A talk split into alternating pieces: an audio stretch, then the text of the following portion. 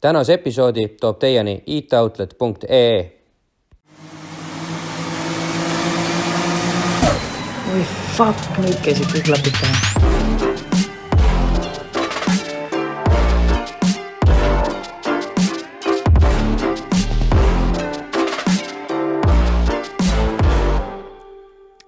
Tervitused Podcast Trend stuudiost, olete kuulamas autokultuuri teemalist podcasti Klapid pähe. minuga koos on siin üks kiire jutuga punapea Janne, kes on kunagi kommenteerinud driftivõistlusi ja seda sugugi mitte lihtsalt oma kodudiivanilt.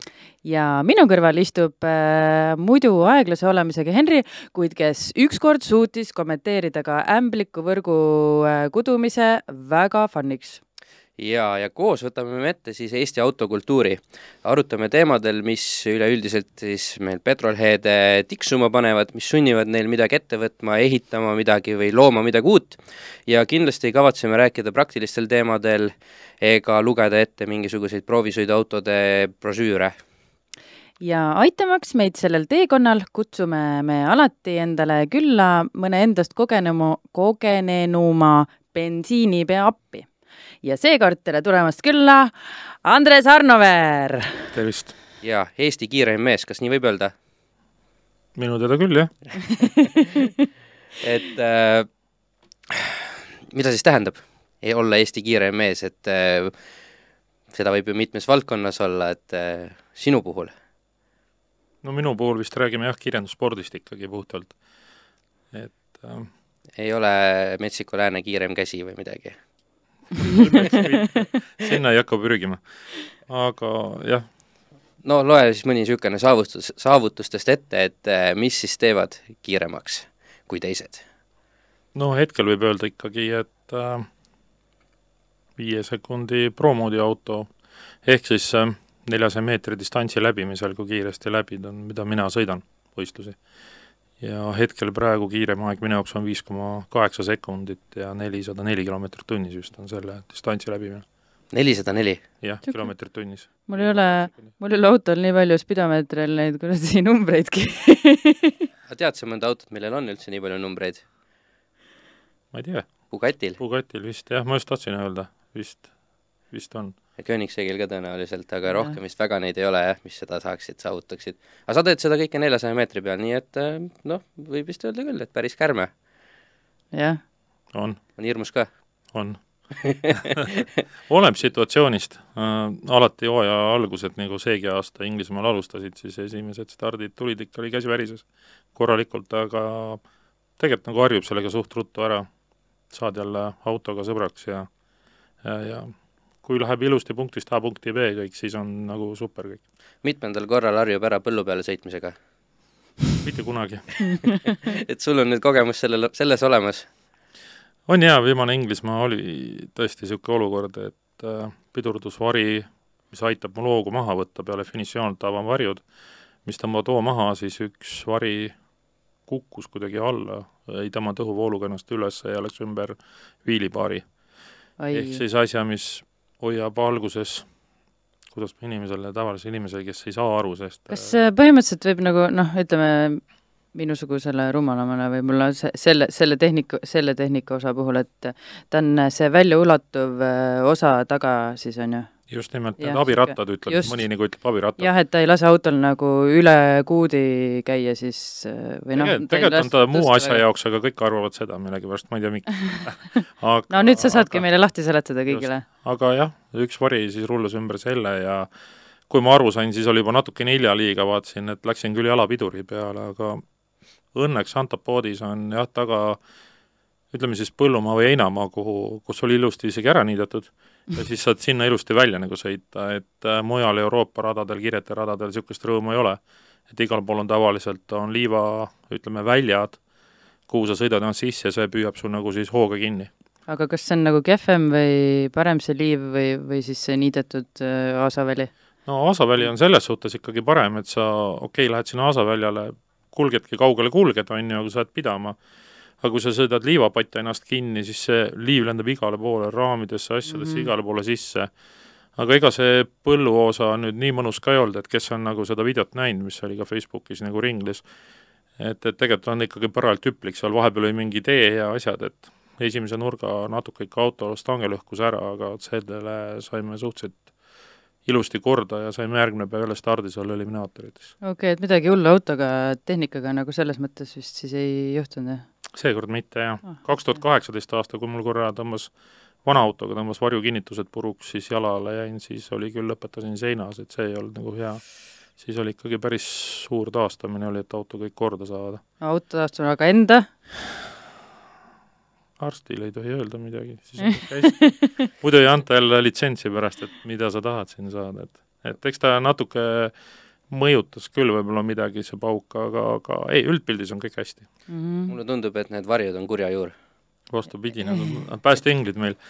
aga kui nad ei tööta nii, nagu vaja on, siis on, siis on halvasti. jaa, kirjandusspordis ikka teinekord asju juhtub, et äh, meie saate nimi klapid pähe. palju Oo. seda siis juhtunud on? ma arvan, et vist esimestel aastatel oli ikka paar korda hooaja jooksul, et selles suhtes see oli suht siis juhtus. aga mida rohkem sõidad, seda rohkem arened, õpid ja nii edasi, et, et kogemus, kogemus aitab lõpuks, et nüüd asjad toimivad päris hästi ja ei saa kurta. jah. kuule, aga täna on sul ilmselt Eesti ja võib-olla ka lähiriikide üks võimsamaid kiirendusautosid, on ju? et äh, mida saab veel autoks kutsuda? kas viis tuhat hobujõudu on, on piisav? on on, on küll piisav jah, aga noh, seal on tegelikult äh, mitu, me sõidame mitut erinevat klassi, ütleme nii. praegu, mis me sõidame Euroopas, on FIA Euroopa Promodi klass ja, seal on maksimum veel lubatud kuni kaks pool baari laaderõhku ja kaheksakümne kaheksa millimeetrised turbod. sellega me oleme mõõtnud silla otsast äh, kolm tuhat kolmsada jõudu circa. No ehk ühesõnaga mootoris seal natuke üle kolme poole tuhande. ja kui me lähme hooaja lõpus, ma ei tea, kas me nüüd lähme see aasta, vaatame, kuidas hooaeg, kuidas toetajad mm -hmm. asjad toetavad, et kui me läheme hooaja lõpus äkki Ameerikasse jälle võistlema, siis seal me sõidame Outlaw Pro moodi, mis on distants küll ainult kakssada meetrit, aga seal ei ole piiratud nagu ära rõhkusi asju ja seal võid kasutada juba suuremaid turbosid, siis on jah, viis tuhat jõudu. aga siis me sõidame kahtesada meetrit ja seesama auto on sõitnud kaks tuhat kakskümmend oli vist jah, snowboard race'il oli eelmise omaniku käes, sõitis kakssada meetrit läbi kolme poole sekundiga, saavutas kolmsada viiskümmend kilomeetrit tunnis selle peale nagu kiiruses üle suure jõu juures. nii et tegelikult need on päris nagu kolossaalsed, no, jah, numbrid, mis sealt nullist sajani mingi null koma kaheksa sekundit, seitse, see on päris nagu brutaalne tegelikult. kui igapäevaselt sõidad mingi suhteliselt tavalise autoga, siis sa ei jooma üldse ka seda, mis, mis suur, no mis need numbrid tähendavad, kui suur see tegelikult on nagu jaa, keha ja kogu nagu mm -hmm. ise, see võtab aega harjumist, et, et ta ei ole nii lihtne, et sa lähed istud oma allmetalliks diisel Škodas sinna ja siis keegi sõidab sulle rekkaga selga, nagu tunne on esimene. Aga kuidas on üldse, kui sa tuled sealt äh, rajalt, tegid just äh, kiire viiesekundilise sõidu ära, on ju, ja istud äh, tavaautosse, et siis ei tundu juba aeglane olevat, et pead nagu saja alast sõitma seal või tähendab, üheksakümne alast tiksuma vaikselt niimoodi, et sa tahadki siis rahulikult sõita peale seda aa, okei see on niisugune maandus, jah? on, sa ei tahagi paarutada peale seda, et ütleme, nagu ma ütlen veel kord, et kui auto nagu seade töötab ja kõik on nagu hästi ja teed oma kiired need sõidud ära, siis on üliäge. tuledki mm -hmm. maha ära, jess, kõik on hästi. aga, aga kui seal on mingid ongelmad ja auto ei toimi, rada on alati natuke erinev, ilm on erinev, see kõik mõjutab väga palju auto mm käitumist, kuidas jõudutab vastu, kuidas rehvid, sillad, asjad töötavad. noh, see on vist igas autospordis niimoodi, et see nagu väikestest paljudest nüanssidest kokku. absoluutselt. aga Janne, kas see siis ei olnud selge, et Andres käibki lõõgastumas pärast maantee peal oma tuhande hobujõulise autoga? rahulikult tänava, tänavaautoga jaa. seda ma ei tea midagi ütleme niimoodi, et tänavaauto peab loomulikult ka olema kiire. ma olen, kuna see elustiil on selline juba kiire elustiil, siis jah, mul igapäeva, igapäevaautoks on ka pigem on nagu kiiremad masinad, millega ma ise nagu sõidan ja mulle meeldib sõita. et äh, kunagi, kunagi eks on olnud ka mingid aeglasemad teemad, aga mäletan juba siin kaks tuhat kaksteist ja sealt edasi, ütleme kümme aastat vähemalt, siis alustasin GTR-iga, peale seda oli vist Challenger, aga tead, oli ja nii edasi, et need tulevad, et noh, siis ikkagi on. Ma korra tõmban sellele loole pidurit, et yeah. meil on seda lõpupoole vast vist mõistlik rääkida Räägime uuesti siis. üle, et et räägime ikkagi natukene veel sellest äh, praegusest punasest kiirendusautost, et okei okay. sa ütlesid, et sõidetakse Outlaw klassis ainult kakssada meetrit, aga miks mitte seal siis äh, samamoodi veerand miili? turvalisuse pärast.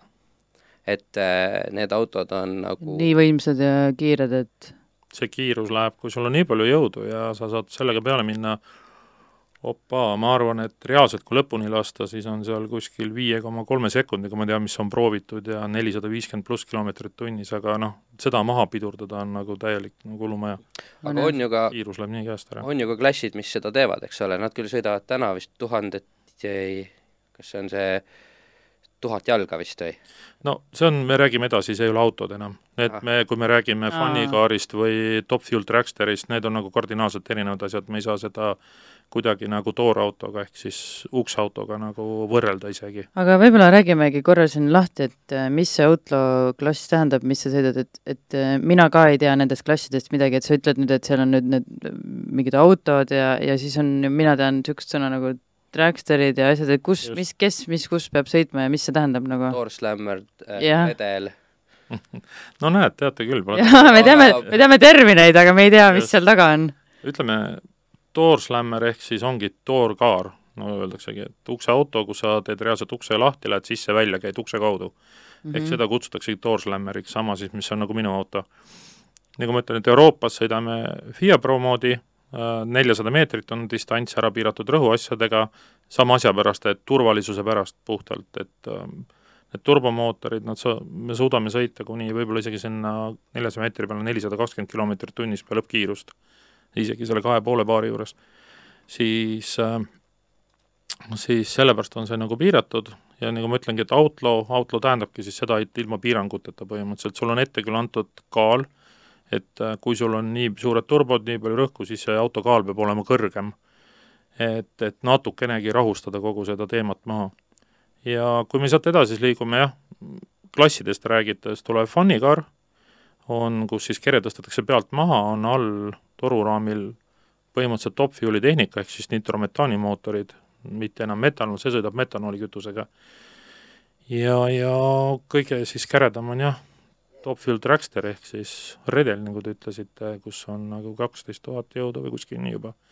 ja nemad sõidavad siis seda ütleme jah, tuhandet jalga ja seal on vist on kolme koma kuue sekundiga ja viissada kakskümmend, viissada kolmkümmend kilomeetrit tunnis, et see on nagu päris nagu ajuvabadus. Aga- ei tule tunnet, et tahaks selle ajuvabadusega kaasa minna või? mul on hea näide on sellest, äh, mõned aastad tagasi oli Anita Mägele Soomes, kes siis üks kanakasvataja, kes on üks tuntumaid võib-olla top fuel sõitjaid, naisterahvaid, vanaema, ma ei teagi, mis ta nüüd on, kuuskümmend või midagi ikka sõidab veel no, seda, siis oli ka niimoodi, et ta vist pandi korra toorautosse analoogsesse ja siis tuli välja, käed värisesid, ütles, et mingi lolliks, et mina küll selle sisse istu, et ma olen, sõidan oma top fuel'iga parem. sest tegelikult point on selles, et top fuel'il ta on nii stabiilne, ta on nii pikk mm., et see kiirendusjõud on küll suur, mida sa tunned nagu hetkelist, aga autol ta on nii närviline, sa parem-vasak Mm. kogu aeg sa pead koordineerima, kogu aeg teda nagu aitama, et ta jookseks nagu ilusti. et see on, see on nagu, mis teeb kogu selle nagu asja nagu keeruliseks. jaa, et kindlasti kõik meie vaatajad-kuulajad, otsige üles Andrese see vi-, mõned sisekaamera videod ja vaadake, kui palju seal tuleb selle lühikese distantsi peale roolida. et jaa. päris muljetavaldav on, kui palju need noh, mõtled, et nii-öelda äärest äärde käivad vaat rattad ära vahepeal, et rool käib ikkagi täitsa noh, pea tagurpidi isegi, aga auto läheb kogu aeg otse. sa pead jah, kogu aeg nagu vaeva nägema, aga et kõik, nagu ma ütlen veel kord, et need viimased videod, mis on üleval, ongi Santopoodis ja seal me võitlesime kõvasti autoga, et saada aru, mida ta nüüd nagu soovib, sest rada oli niivõrd äärmusest äärmusse, üks hetk hoidis nagu jube hästi ja teine hetk oli niimoodi, et ainult šeikisid, lõi rattaid ringi, et aga noh, järgi ei tohi lasta, kui sa tahad kuskile jõuda oma asjadega välja, et see on nagu tähtis.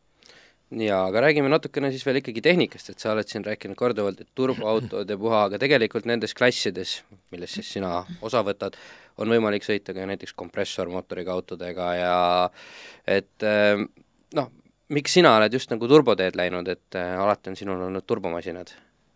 ma isegi ei tea, miks, ma arvan, et see on kuskilt ajast hakkas, kunagi alustasin turboautodega ja on jäänud kuidagi külge.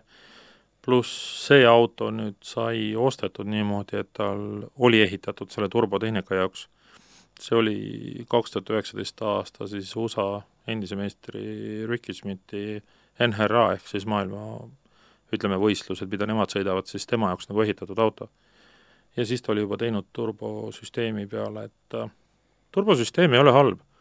ta on väga keeruline, ütleme siis niimoodi võrreldes, kas me just rääkisime ennem Bloweri, kus on kompressor peal, kas nitromootoriga, mis on veel, siis on versioon, või siis on veel ProCharger omakorda, mis on vända pealt eest aetakse, nagu suur turbo on eesotsas põhimõtteliselt neid versioone on nagu erinevaid, neli tükki põhimõtteliselt, millega nagu saad sõita.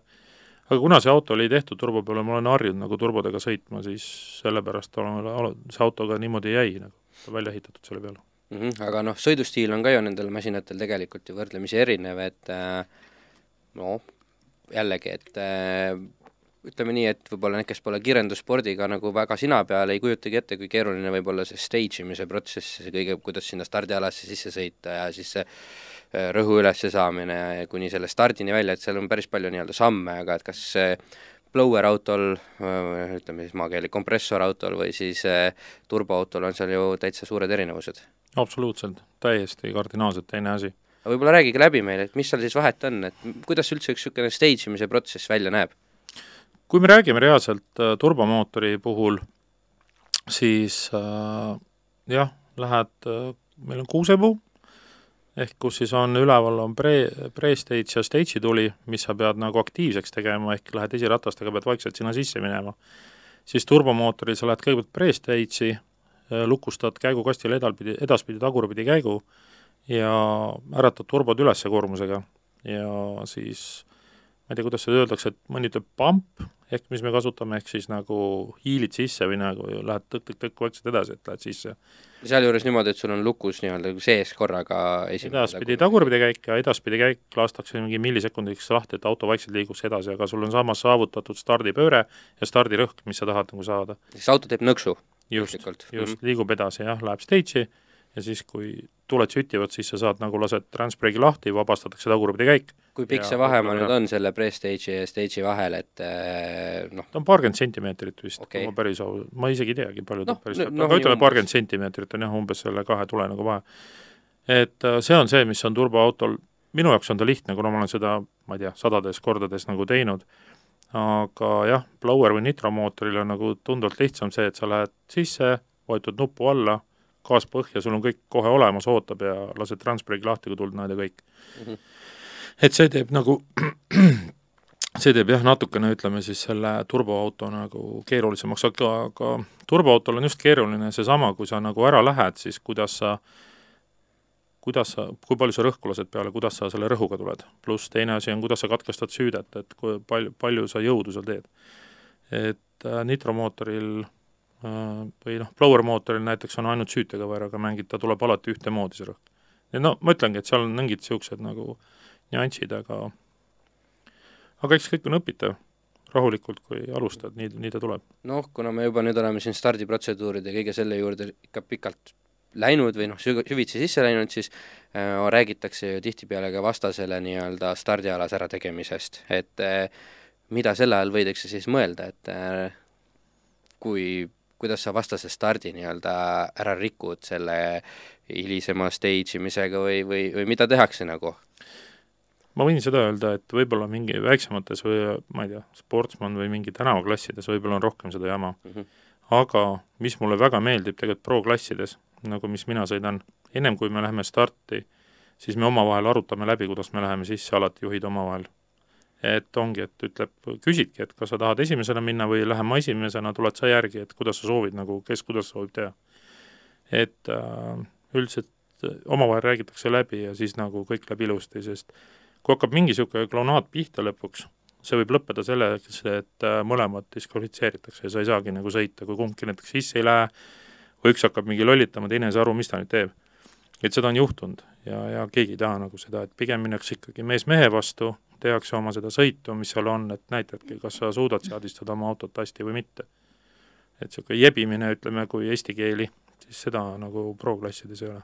no väga hea, et siis on kohtunikud teinud oma tööd üsna niimoodi karmi käega mingi, mingil ajahetkel. see ei ole isegi kohtunikud, ma arvan, et see on pigem viisakusest üksteise vastu, et äh, kui me lähme sõidama. okei okay,, et äh, kuhu ma nüüd tahtsingi jõuda oma asjaga äh,, ah, äh, jällegi see turbod versus kompressorid, eks ole, et kui me, kas need võimsused on ka siis kuidagi erinevad nendel masinatel või üldiselt jäävad siis sinna suht samasse auku, et äh, kompressor teeb allotsas palju rohkem väänet ja jõudu ja sellepärast on nende ütleme, see esimene sada-kakssada meetrit on teravam kui turbo omal. aga turbomootor on see, et kui kahesaja meetri pealt üle saja meetri edasi saad seal ilusti läbi, siis vaatad lihtsalt, kuidas see turboauto tuleb, sõidab kompressorist mürinaga mööda. et turbomootor teeb lõpus äh, suurema jõu ja see on puhtalt sellest, et äh, mootorid teevad suht võrdse võib-olla ütleme alt jõu, aga kompressor tarbib nii palju jõudu maha. turbol on sul kogu energia tekib heitgaaside pealt ja midagi ei takista mootorite lõpus, oled sellepärast nagu kiirem. Et ongi see, et bloweriga võtad sa alguse, aga turboga võtad lõpu mm. -hmm, aga lühikestel distantsidel siis äh, senimaani on olnud kompressorid, aga nüüd viimasel paaril aastal hakanud turbod nagu kõvasti mööda minema juba? noh, eks see blower on alumne ots ja olen nõus, kahesaja meetri peal absoluutselt on mugavam sõita. aga tehnika areneb kogu, kõige suurem võib-olla, mis ongi erinevus, mis tekib, on elektroonika ja kogu see pool, et sa suudad selle juhtimise tegelikult autol nii heaks teha, et siis sa suudad ka turboga tulla see alumise otsa, saavutada seda, mis ütleme juba, juba blower imees suudab teha. et see on veel kord testimine, testimine, testimine, hea rada, hea ilm, kõik asjad loevad mm. -hmm. nii lihtne ongi. okei okay,, et äh, aga no oma selle punase autoga oled sa nüüd sõitnud siis äh, ütleme poolteist hooaega. Aga enne seda oli sul ju väga äge sinine Mustang ka, et äh, miks sa siis otsustasid äh, välja vahetada omal autod? no sinise Mustangi, kust ta hakkas üldse, ma sinise Mustangi, selle sai muretsetud endale, oli juba kaks tuhat neliteist aasta, kui ma õieti mäletan, või kolmteist lõpp isegi. oli USA-st võtsin alguses ainult veereva kere, ilma tehnikata, ja järjekordselt ostsin turbomootori, läksin turbode peale kohe, et enda jaoks liiga lihtne ei oleks. ja kaks tuhat kuusteist oli jah, kus ma temaga esimese nagu aasta tegin kaasa, sõitsime terve Soome Super Pro Streeti klassi kaasa kaks tuhat kuusteist sa tegid ju sellega vist ühe maailmarekordi või? Jaa, kaks tuhat kuusteist tegin ka sellega maailma, ma olen tegelikult päris mitu maailmarekordit, aga teinud olenevalt mootoriklassidest. jah, no mina tean Just. seda Small Block äh, V kaheksa, mida Vana... sa vist ise veel, ise veel pärast veel äh, paar aastat hiljem nagu veel, veel omakorda purustasid, on ju? just mm. -hmm. seal on, mõned erinevused on jaa, et äh, sellel Small Block mootoril on ka näiteks see kaks tuhat kuusteist aasta, siis mul oli vana see viieliitrine mootor, mis siis nagu võib öelda ka algselt, nagu eelmine saade Kaili rääkis, tal see tõukurvarrastega vana ligadi-logadi peal oli, on ju, aga sa võid ka selle ligadi-logadi saada tegelikult täitsa okeilt nagu toimima mm, -hmm. selle viieliitrise. ja kui paned piisavalt head tükid sinna ja noh, muidugi seal originaalist ei olnud ühtegi juppi järgi, ütleme, kõik on aftermarket, muidugi plokk, kaaned, värgid, asjad. no muidu on täpselt sama mootor. muidu on täpselt sama tõukurvarraste värkidega nagu ikka, vanakooli, vanakooli teema. kolb liigub silindris ja toimub põlemine ja siis väljuvad heitgaasid ja kõik on täpselt sama, noh. absoluutselt, ainult turbo paneb natuke õhku juurde ja, ja. nii see mootor on, suur õhukompressor, anna kütust, anna õhku, sealt see mürts tuleb, on ju siis oli jah, selle viieliitrise mootori klassis nagu ma kaks tuhat kuusteist sõitsime, sõitsime nagu ütleme, äh, parim aja, mis on maailmas nagu suudetud sõita, oli. aga kaks tuhat seitseteist aasta, kaks tuhat kuusteist lõpp ma hakkasin juba nägema seda, et äh, kuhu me olime selle mootoriga surunud sinna kahe tuhande hobujõu piiri peal, natuke võib-olla isegi peale. Äh, mul igal pool, ma kasutan alati igal pool mootori peal andureid hästi palju, et näha, kuidas nagu asi elab, mis toimub silindri rõhk läks nii palju suureks, et äh, veesärkis nägin, et hakkas rõhk tõusma. ehk seda sa näed siis, et silinder või midagi hakkab nagu läbi punnitama. ja ei ole mõtet niisugust mootorit nagu ära lõhkuda, et surun ikka edasi, siis sa tead, millega see mhm. lõpeb, on ju. et lihtsam oli, lihtsam oligi siis seda teed minna, et tellisin juba äh, uue ploki, uued kaaned ja asjad, ehk ja siis juba läksime edasi natuke suurema mootori peale, seitsmeliitrise Fordi mootori peale, mis toodeti siis uuematel aastatel natukene, neli, kaks, seitse kuuptalli.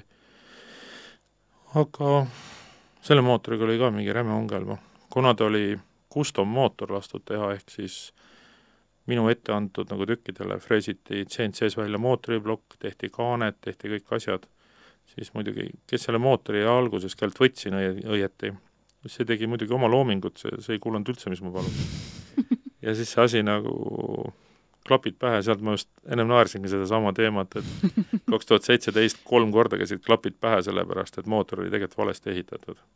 ja siis ma tema muidugi enda seda viga ei tunnistanud, tema seal midagi no eks ta, eks ta sai aru sellest, ma arvan, aga noh, ongi see, et sa ei saa minna näiteks seal mingi klapid ja, või ütleme, tõukurvarda nurk oli niivõrd vale lihtsalt, et äh, sa ei saanud sellega minna normaalsesse pöördesse, kus sa pead sõitma kogu aeg taga. ja kui sa läksid üles pöördesse, hakkaski klappe lõhkuma, siis tõukurvarras hakkas põrkama mm. või asjad ei töötanud, ei töötanud nii, nagu pidi, on ju ja lõppkokkuvõttes oli niimoodi, et ma võtsin, vahetasin selle ploki välja ja tellisin jälle uue ploki. ja, ja siis seekord tehti nii, nagu mina palusin ja siis, siis hakkas tööle nii, nagu pidi. et, et äh, jah, see oli nagu, see on, see auto on jah, selles suhtes on äge. kaks tuhat kaheksateist sõitsime Soome, üheksateist sõitsime Euroopat, aga kaks tuhat kaheksateist oli juba see punkt, kus ma tundsin, et Soome ka ja need enam ei olnud ei olnud enam seda, mis oleks tahtnud, et Super Pro Street'i kassis mingi võistlus olime Villeriga ainult kahekesi ja mingi oli Vapseges üksi sõitmas, et see ei ole mingi võidusõit enam mm. -hmm. ja siis ma võtsingi endale järgmiseks sihiks selle, et okei okay,, et kunagi selle Fordi mootoriga ei ole sõidetud viite sekundit neljasaja meetri peale, siis me võtsimegi, et okei okay,, võtame mingi uue mingi lähenemise, just, just, et mida ma tahan nagu saavutada kaks tuhat üheksateist jõudsime sinna punkti, et äh, sõitsin temaga juba kuus, kuus koma null kuus sekundit ja nelisada pluss kilomeetrit tunnis, nelisada, nelisada kaks. noh, see, see oli juba, see auto oli lühikene esiteks, äh, teljevahe, võrreldes selle uue autoga, ja ta, taga oli, ma sõitsin vist kuus korda, sõitsin kuus nulli sinna madalasse ja ma ei suutnud minna edasi, et sõita viite sekundit sest rada lihtsalt ei võimaldanud seda täpselt, see, kus sa natuke tuled juurde, näed, et auto läheb jälle käest ära, ei hoia, ei hoia. ja kaks tuhat üheksateist aasta lõpp, sama, mis me praegu seda piltigi vaatame, on äh, siis otsustasime, et okei okay,, saadame auto Ameerikasse. Ja panime konteinerisse ja saatsime Floridasse. kaks tuhat üheksateist aastas lõpp äh, käisime siis Snowbird Outlaw võistlusel Floridas, Bradentoni rajal ja seal ma alistasin selle viie, et sõitsimegi viis koma üheksakümmend üheksa, päris täpselt, aga ikkagi viis on mm -hmm. ees, on ju, aga seal nagu noh, see oli nii uskumatu nagu, et äh, see, mis sa sõidad siin Euroopas, kui ruttu sa jõuga peale saad tulla, ütleme, ja siis seal sa paned kaks korda kiiremini ja see rada võtab kõik vastu. ükskõik, mis teed, ikka võtab vastu nagu, rada lihtsalt suudetakse teha niivõrd hea seal. aga mis see teeb raja heaks seal siis? kogemus. mehed on seal, kes seda rada on teinud, teevad viis päeva nädalas on praktiliselt rada avatud ja kakskümmend aastat mees on teinud seda tööd et isegi, kui me läksime seal testima, siis ta tuleb kõigepealt vaatab, ahah, mis rehvid teil all on, mis te tahate, kuidas te tahate sõita, mis asjad, on ju, ja nad vastavalt sellele teevad sinu jaoks täpselt selle asja, mida sa tahad. rajameister teeb ja, sinu jaoks. kuulab just. ühte või kahte või kolme sõitjat. käibki, vaatab üle ja et kui me seal testisime alguses, oligi niimoodi, et viis-kuus autot oli päevas, kui oli privaattestimised meil oli see ära, siis tuleb küsima, vaatabki, kuidas on ja vastavalt sellele teeb oh..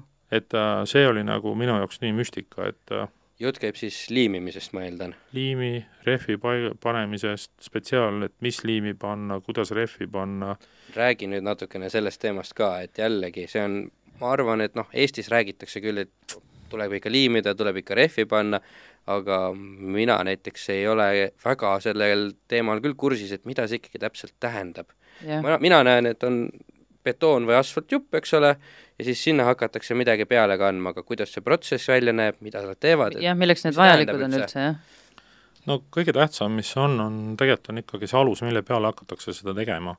kõige parema tulemuse sa saad alati betooni peale, sellepärast et äh, asfaldis on augud ja kui see liim või ütleme, rehv läheb sinna vahele, tekivad ikkagi tühimikud ja tekivad kohad, mis nagu ei pea nii hästi. Siis sama Royal Bradentonis nad kõigepealt koorisid selle stardiosa kõik ära, betooni täiesti puhtaks, siis tõmbavad natukene rehvi maha, pannakse liim ja veel natuke peale, et tegelikult mis tähendab, tõmbavad natuke rehvi maha? lohistavad rehvi, sama rehvi, millega me sõidame, äh, on nagu, veavad seda traktoriga rehvi, siis nagu? traktoriga nagu. veavad seda rehvi raja peale just nimelt, et tekitavad selle Jep. rehvi pi-, õrna kihi, siis panevad natukene liimi ja uuesti üle, et tegelikult on, kui meie läheme sõitma, siis on seal üliõhukene kiht ainult liimi rehvi. Miks see on vajalik? on puhtalt sellepärast, et kui tekib paks kiht kummi rehvi sinna peale, raja peale, siis ta hakkab rullima seda rehvi ja siis ütleme, selle tee vahel tekitab äh, nagu rulli ja, ja, ja siis ta nii ei pea. aga kui sa teed niisuguse õhukese kihi, alt betoon on puhas ja õrn see kiht peal, siis ta hammustab seal niimoodi ennast kinni, et nagu ise ka ei usu nagu. aga ma mõtlen, et äh, noh, sõidetakse ju seda ühte rada mitu korda erinevate sõitjate poolt, et kas nad siis vahepeal peavad seda värskendama, et äh, Just. seda kihti on ju mm -hmm. just, vahepeal tehaksegi, isegi vahepeal on niimoodi, et kui on päevadel, kui on lõunapaus näiteks, siis põletatakse osa pealt maha, võetakse ära ja tehakse lõunapausil näiteks jälle nagu vaadatakse üle, kuidas see olukord on, tehakse jälle, muudetakse seda. ikka väga korralik äh, selles mõttes pühendumus või ettevõtmine selle, selles osas. aga On, kas nüüd selliselt startiv auto, mis tõstab rattad õhku, kas ta paneb sinna seda rehvi juurde või ta pigem koorib seda sealt natukene nagu kaasa või maha või ta tegeleb, teeb sinna hoopis niisugused lained nagu peale? Sa mõtled, et kui sinna juba liimitud rajale nagu, et no mitte see, kui ta tõuseb, vaid et noh, selliselt vingelt startiv auto, mis tõesti paneb noh, nagu tohutu jõu maha, et eh, mida ta sellele Mhm. rajale teeb, et mi-, miks seda hooldada siis vaja vahepeal on, et kas ta paneb juurde seda rehvi kihti sinna peale? no nagu ma ennem just ütlesingi seda, et tegelikult on seda, et seda rehvikihti ei tohi seal liiga palju olla. ehk siis need autod lisavad iga start seda natukene Just. juurde? just, just, nad ise panevad samamoodi jah, juurde kogu aeg seda mm. Mhm. -hmm. Et kui seda ongi liiga palju, siis hakatakse jälle seal vahepeal koorima, puhastama seda stardiosa, et sa saad selle nagu piisavalt, piisav kihti, eks, et ta ei ole liiga palju. Mm -hmm. see on, see on nagu väga tähtis, jah. väga lahe tegelikult. väga vinge jah, tegelikult, kuidas asju paras tehakse. teadus tegelikult nagu selles suhtes, et äh, ise samamoodi iga päev õpid jälle, et vaatad seal sügavalt kukalt, et okei okay,, et saab ka niimoodi jälle mm. Mm -hmm. jah, ja kui kellelgi on kunagi tekkinud mõte, et miks küll ei sõideta träägi vihmas, et noh, mina oma auto küll võin põhja vajutada gaasivihmas, on ju, siis eh, kui sa paned vihma pea või pa- veevalad sinna kummi peale, siis see on libe nagu seep. Absoluutselt ole? jah, jah, sest tal mustert ei ole, ta ongi puhas slikk rehv ja ongi kõik, jah. jah, ja siis oleks see kummikiht, eks ole, mis ise omakorda on hästi-hästi libe ja siis sa hõõrudki kahte kummitükki omavahel kokku ja võib pikalegi kukkuda, kui sa Nii nagu põhimõtteliselt oleksid seal. kui jää peal oled põhimõtteliselt jah ja, selle autoga, et see on hullem. aga jah, kaks tuhat üheksateist aasta, nagu ma ütlesin, et sõitsime selle viie koma üheksa sekundi ära ja kaks tuhat kakskümmend käisime taga veel sõitmas, siis sõitsime seal, tegelikult see viie sekundi sõit oli ka selles suhtes äge, et oli see Outlaw Promodi võistlus, see sinise autoga, äh, aga nad äh, lubasid siis ütleme niimoodi, et minul teha ka selle ühe neljasaja meetri sõidu. Sest tegelikult oli, kogu üritus oli tegelikult kahesaja meetri võistlus Mm. aga nad tulid vastu, viimane kvalifikatsiooniring äh, ja, ja viimane nagu soolosõit, siis öeldi, et okei okay,, et siis võid tee see nelisada meetrit. et, et, et selles suhtes on, USA-s on nagu hästi tore see tegelikult, et ükskõik, mis sa lähed, teed, alati tullakse küsima, kas me saame kuidagi aidata sind, kas saaks kuidagi paremaks, on sul midagi vaja, nii raja poolt või korraldajate poolt, et niisugune toetus Nad on on ilmselt, hästi suur. nad on ise huvitatud ka sellest alast rohkem, võib-olla siinpool on seda huvi siis vähem nagu, et äh, nad pühenduvadki seal rohkem sellele no absoluutselt jah, pluss nende jaoks on ju tähtis see, et äh, turvalisus mm -hmm. turvalisus on number üks, et saada aru, mis meestel on vaja nagu, et kas me teeme seda või teist, et neil oleks turvaline sõita mm. -hmm. et, et ikkagi, nagu öeldakse, et sõitjad meie oleme see, mille jaoks tegelikult rahvas ju tuleb sinna vaatama. et ja nende jaoks on tähtis, et me oleks turvaline, siis me suudame ka kiiresti sõita. olid tribüünid täis?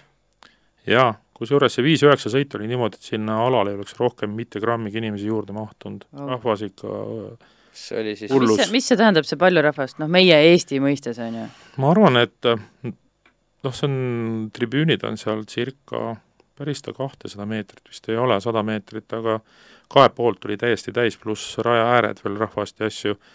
see snowboard race, miks on ta hästi popp, on alati niimoodi, et õhtul, kui meie näiteks, mina tegin selle viimase sõidu ära, siis tuleb peale seda, tulevad raketi või nende reaktiivmootoritega rekkad ja autod peale ja rahvas tuleb seda vaatama, see on see, mis on vaatemänguline seal. miks nagu ja alati nagu, tuleks, ja, ja no see, see on ikka võimas. seal on niimoodi, et oled seal saja meetri kaugusel, ikka sa tunned, et see kuuma laine käib sinust niimoodi veel üle, et. See on, see on, see on nagu äge, see on see, mida inimesed, see on show, mida inimene tulebki mm -hmm. sinna nägema, pluss siis noh, meie juurde. aga miks võistlustraagi sõidate selliste mootoritega äh, kuule, kusjuures Santopoodis tegelikult isegi midagi sõideti, aga ma ei tea, kas nad sõidavad päris üks-ühele üksteise vastu. aega nad sõidavad küll tegelikult nagu, aga kas see on nii, seda ma ei oskagi öelda. jah. aga viis üheksa sai sõidetud, kaks tuhat kakskümmend me käisime veel sõitmas, siis me sõitsime ainult seda kahtesada meetrit, siis ma sõitsin kahesaja meetri peale, suutsin sõitma selle mootoriga kolm koma üheksakümmend kolm sekundit. aga miks ma müüsin selle auto ära? näiteks jõuame sinna punkti, oli asi selles, et äh, ma hakkasin mootorist üle sõitma, hakkasin nägema, et mootoris asjad liiga palju hakkavad deformeeruma, enam ei kannata, me olime turborõhuga juba viie baari juures, mis circa on kolm pool tuhat jõudu sellest mootorist, ja noh, igal asjal nagu tekib limiit kuskilt maalt. ühesõnaga, see auto jäi sulle lahjaks? autona autona jah, ma mõtlen. autona jäi lahjaks, ei no ma saavutasin seda, mis ma tahtsin temaga ja järgmine samm oligi see, et mida ma teen ei no muidugi, jah. mind ei rahuldanud enam seesama ühe sama asja triikimine, nagu et oligi samm see, edasi. see ei ole enam motiveeriv ka, vaata, selles just, mõttes, et just, just, sa tead, mis sealt nagu mm -hmm. tuleb, on ju. ja kuidagi teele siis sattus niimoodi sama see punane auto ja ja, ja, ja läksin, võtsin, võtsin selle auto siis seda teed. kui sa ennem, kui sa ennem ütlesid, et noh, et iga sõit keerasid natukene juurde või panid natukene juurde, mida see siis nagu selles mõttes tähendab, et kas iga sõit, kui tuled maha, siis kõigepealt arvuti külge ja vaatad andurite andmed kõik üle ja, ja siis teed mingisugused seademuudatused, et selles mõttes paned juurde või kas see tähendas ka sõidu mõttes midagi teistmoodi tegemist, et sa hoiad rohkem peal kuidagi või, või kauem või et mida see tähendab? panin juurde, pigem on jah, astun sammu edasi, et äh, lähed jõuga kiiremini sisse, gaasi sõidad sa alati põhjas, ega sa maha ei lase kunagi ennem finišijoont. aga just seesama, et tuled jõuga kiiremini sisse, süüde varem sisse, rohkem turborõhku, ehk siis üritad minna samm-sammult edasi, kiiremaks ja kiiremaks. ehk siis suurim erinevus tuleb stardiprotseduuris siis põhimõtteliselt? stardiprotseduuris kahe sekundi peal, kahe poole sekundi peal, kus sa tuled taga täisjõuga peale, ennem sa sinna täisjõudu peale ei lase, tuled sellega kogu aeg lähemale, lähemale see stardi poole. tähendab siis äh, täisjõuga peale tulemist tähendab siis seda, et sa teed arvutis, nii-öelda juhtarvutis siis mingid muudatused, et ta tuleb nagu rõhk ja süüde just. varem siis natukene, eks ole? just, just, just, et okay. kahe poole sekundi peale tuled näiteks no nagu ma ütlengi, et Euroopas, kui me sõitsime niimoodi, et täis süütenurk ja täisrõhk oli, said tulla kuskil kahe koma viie sekundiga, siis USA-s lõpuks seal sõitsime ühe koma kaheksa sekundiga juba läks nagu kõik see peale, et see on noh, niisuguse auto puhul on see terve kalender. Et meeletu erinevus. et sealt ka esimese otsaga sa võtadki aega. kuuskümmend jalga, sada meetrit, kakssada meetrit, see on see, kus sa teed oma tulemuse. ülejäänud on suht kulgemine et sa seal tagaotsas midagi väga suudaksid saavutada, siis see, need numbrid, need peavad olema meeletud, me ei räägi viiesajast, me räägime tuhandetest jõududest, et sa seal läheksid palju kiiremaks nagu. kogu töö käib esimese osaga ikkagi Mm -hmm. et kui sa nüüd oleksid sellesama seade võtnud ja siis nüüd Santa poodi tulnud, siis äh, oleks sul seal hoopis äh, samamoodi jälle betoonseina tõmbanud auto ära või et noh, oleks ära visanud rajalt nii-öelda. et see on siis see nagu erinevus nüüd või? jah, et äh, seal rada nagu nii, nii hästi ei tööta, ütleme, kui siis et, et iga võistlus, kuhu sa lähed, sa pead oma seade tegelikult üsna palju erinevalt ümber tegema, eks ole, et eh, põhimõtteliselt siis nii-öelda finaalipäevaks oled sa juba mitu-mitu korda jõudnud oma seadet muuta, oled jõudnud seda nii vedrustusest kui ka siis mootori poolelt näppida üsna palju. just, sellepärast meil ongi kolm-neli kvalifikatsiooniringi alati ja sealt sa leiadki seda, et mis autole meeldib. teed oma parima, mis sa saad ja kui on eliminaatoris, sa jõuad lõpuks välja, siis sealt sa peadki tegema või ütleme, kasutama seda, mis nagu rada või ilm ja asjad nagu võimaldavad see hetk sind mm. -hmm. No, aga võib-olla siis liigume vaikselt nüüd tagasi sinna mineviku suunas. oota, ma korra selle sinise kohta veel küsiks, et sa vist sellega Eestis ju väga palju ei sõitnud või? ei, ma käisin paar sõitu, tegin Haapsalus, proovisin mm, -hmm. aga mõlemad korrad lõppesid niimoodi, et äh, lõhkusime sellest hange ära, sest äh, rada oli väga hüplik. Jah, see Haapsalus on ju see, need plokid on seal niimoodi, nagu nad on seal aastaid olnud, keegi ei ole seda seal vahepeal parandanud. just, see aasta nüüd tehti ta paremaks. Aa ah,, okei okay,, seda ma ei tea, jah. jaa, Riivo Sinijärv võttis kätte ja, ja siin ähm, tõsteti tõesti, jaa, tõsteti nõrkusi ja tasapinnad pandi selleks, siis vahe, vaheosad puhastati ära, betoneeriti Aa. uuesti ära, et nüüd on okei okay,, põnev, tahaks ise ka näha muidugi juba eelmine reede käisin äh, testimas ühte teist autot veel omakorda mille juurde me võib-olla ka jõuame varsti. aga ütleme niimoodi, et näha oli, et hoopis, hoopis teine asi. et äh, on, on suur vahe Neil pidi olema see viimane nädalavahetus nüüd, aga ilmastikuolude tõttu jäi, jäi kahjuks ära see. just, just laupäeval jah, sadas terve päev ja ja, ja kuna mind nüüd kupatati ühte teise autorooli veel korra või ütleme, sain kuidagi siin, siis käisime jah, proovimas nagu, nagu seda äh, reedel.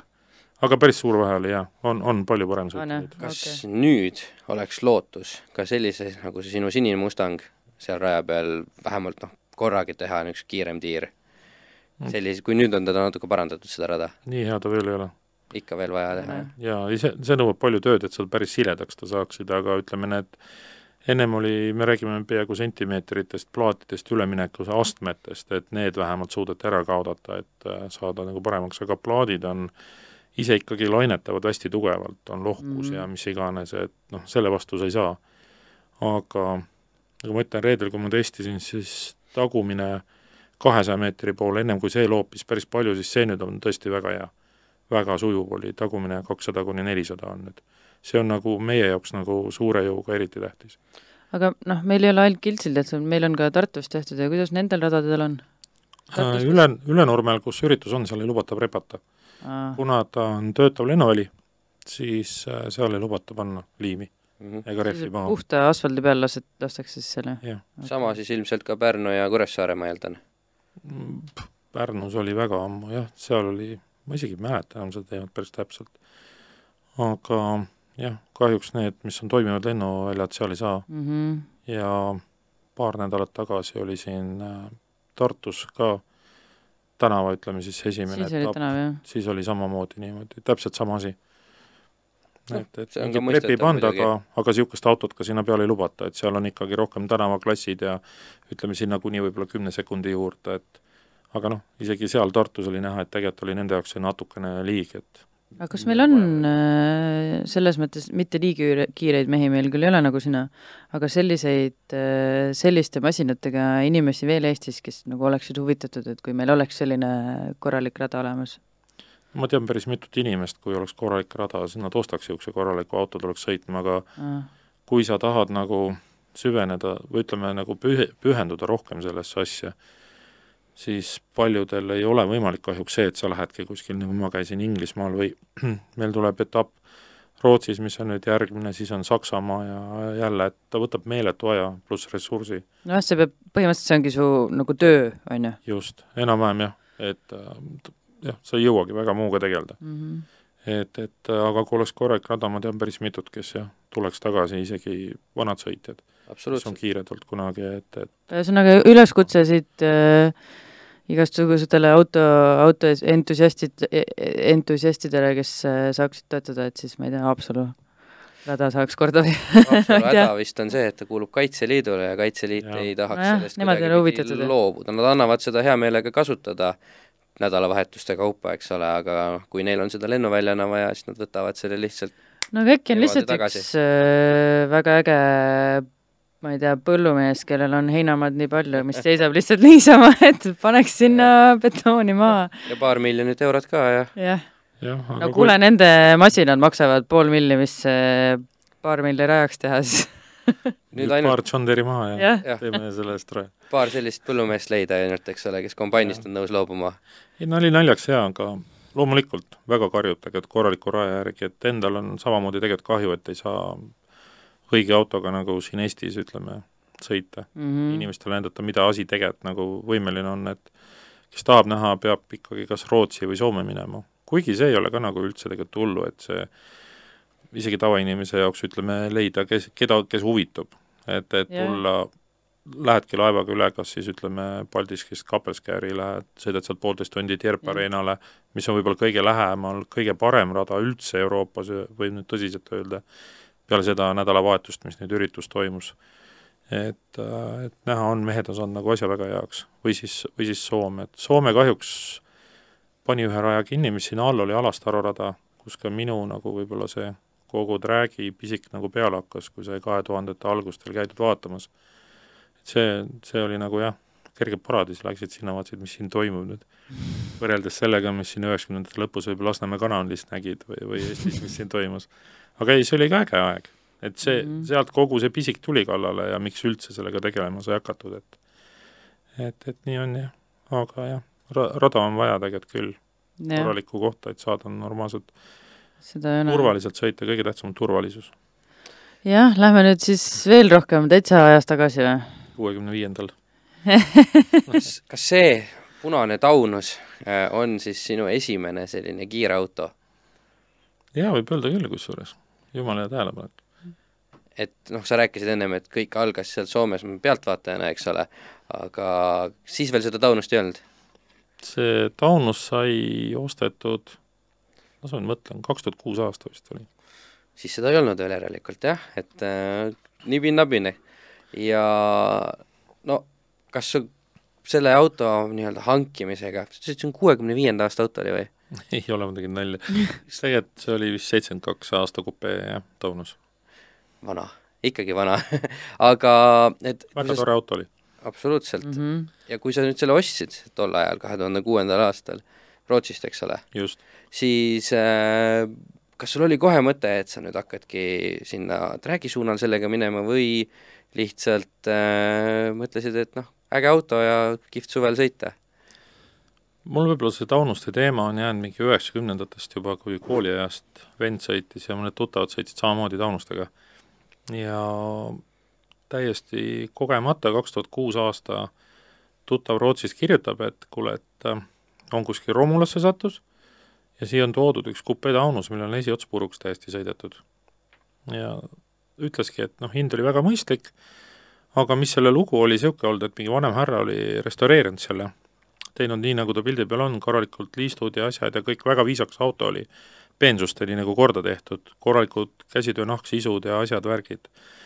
ja kas ta seitsmeteistaastane poeg või, oli võtnud ja läinud sellega rallima, oli sõitnud puusse sellega. ja Ei. täpselt niimoodi, et kuni, kuni veepumbani eest otsa oli, kõik oli sees nagu täpselt otse puusse.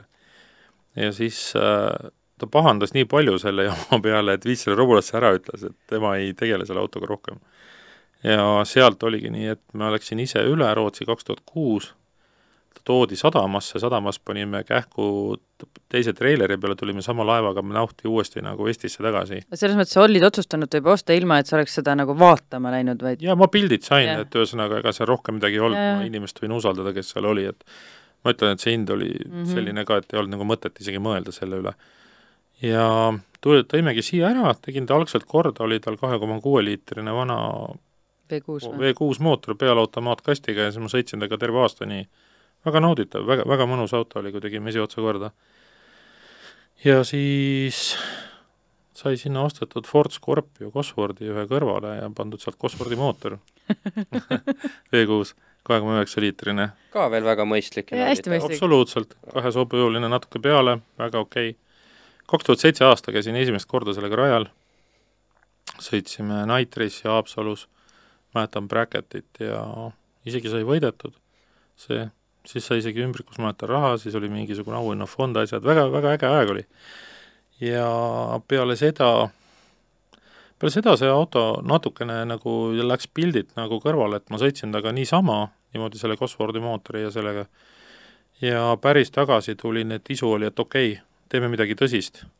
oli kaks tuhat, kaks tuhat äkki kaksteist, jah, et siis panime siia ühe turbo peale, muidu oli originaalmootor täiesti ja, ja siis sõitsin sellega Eesti kiirendushooaja kaasa juba, slikk alla ja natuke teine käigukast ja nii see, nii see vaikselt nagu läks, et äh, kui ma ei eksi, siis oli sel ajal Eestis rajal lausa kaks niisugust punast taunust. jaa äh,, milles see jah, kogu see pisik sai, siis oligi Rivo Hinni äh, analoogne teine taunus, mis oli see taantaunus, et äh, siis sealt, sealt edasi läks juba Progeaju ja nii edasi, nii edasi. Aga sealt edasi tegime korraliku sisselaske, suurema veel turbod, asjad, ja siis oli jah, sõitsime juba, sõitsime juba nagu ahaa, näe, see on nüüd kaks tuhat seitse aasta veel, see Night Race'i pilt peaks olema üks aa, see, kus ümbrikusrahant, jah? just, vist, kui ma õieti mäletan jaa, siis vist on jah see head suured pildid, Henri. jaa, no väga hea pilt on, minu arust, minu arust kõrval on seal vist see Alari Hunt või? täpselt, Alari Hunt oli jah, temaga ja. koos sai sõidetud veel. et, äh, et, et jah, sealt ta samm-sammult nagu läks. kaks tuhat kaksteist Eestis sõitsin, kaks tuhat kolmteist sõitsime juba Soomes Taunusega edasi, siis oli juba teine käigukast, asjad, veel suurem turbo ja, ja ja, ja siis ma sõitsin selle Cosworth mootoriga, mäletan, neljasaja meetri peal Alastaras oli kaheksa koma kaheksa sekundit.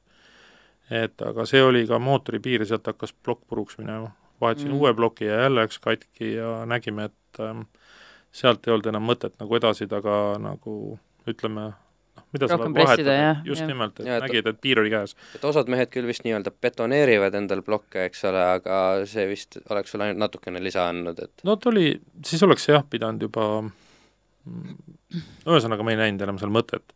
sest mul tegelikult nagu nii palju nagu vedas, et äh, suutsin leida Rakveres, kui ma õieti mäletan, oli niisugune mees, kunagi sõitis kiirenduskompressor Mustangiga, oli nagu Aavo Rahula ja ta hakkas ühte enda uut projekti ehitama ja oli tellitud sinna mootor tal, Fordi Small Block V kaheksa, seitse koma nelja liitrine, ja siis leidsin selle tema käest.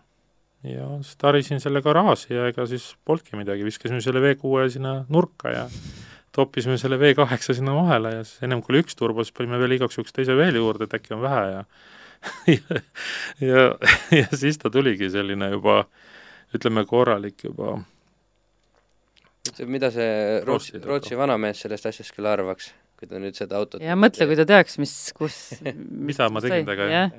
ei, ma arvan, et ta on tänulik, et ma seda kuskil ma arvan ka, jah. et ta pigem rõõmus, et noh, et, et ta niimoodi elama hakkas lausa või niimoodi hingama. just, just.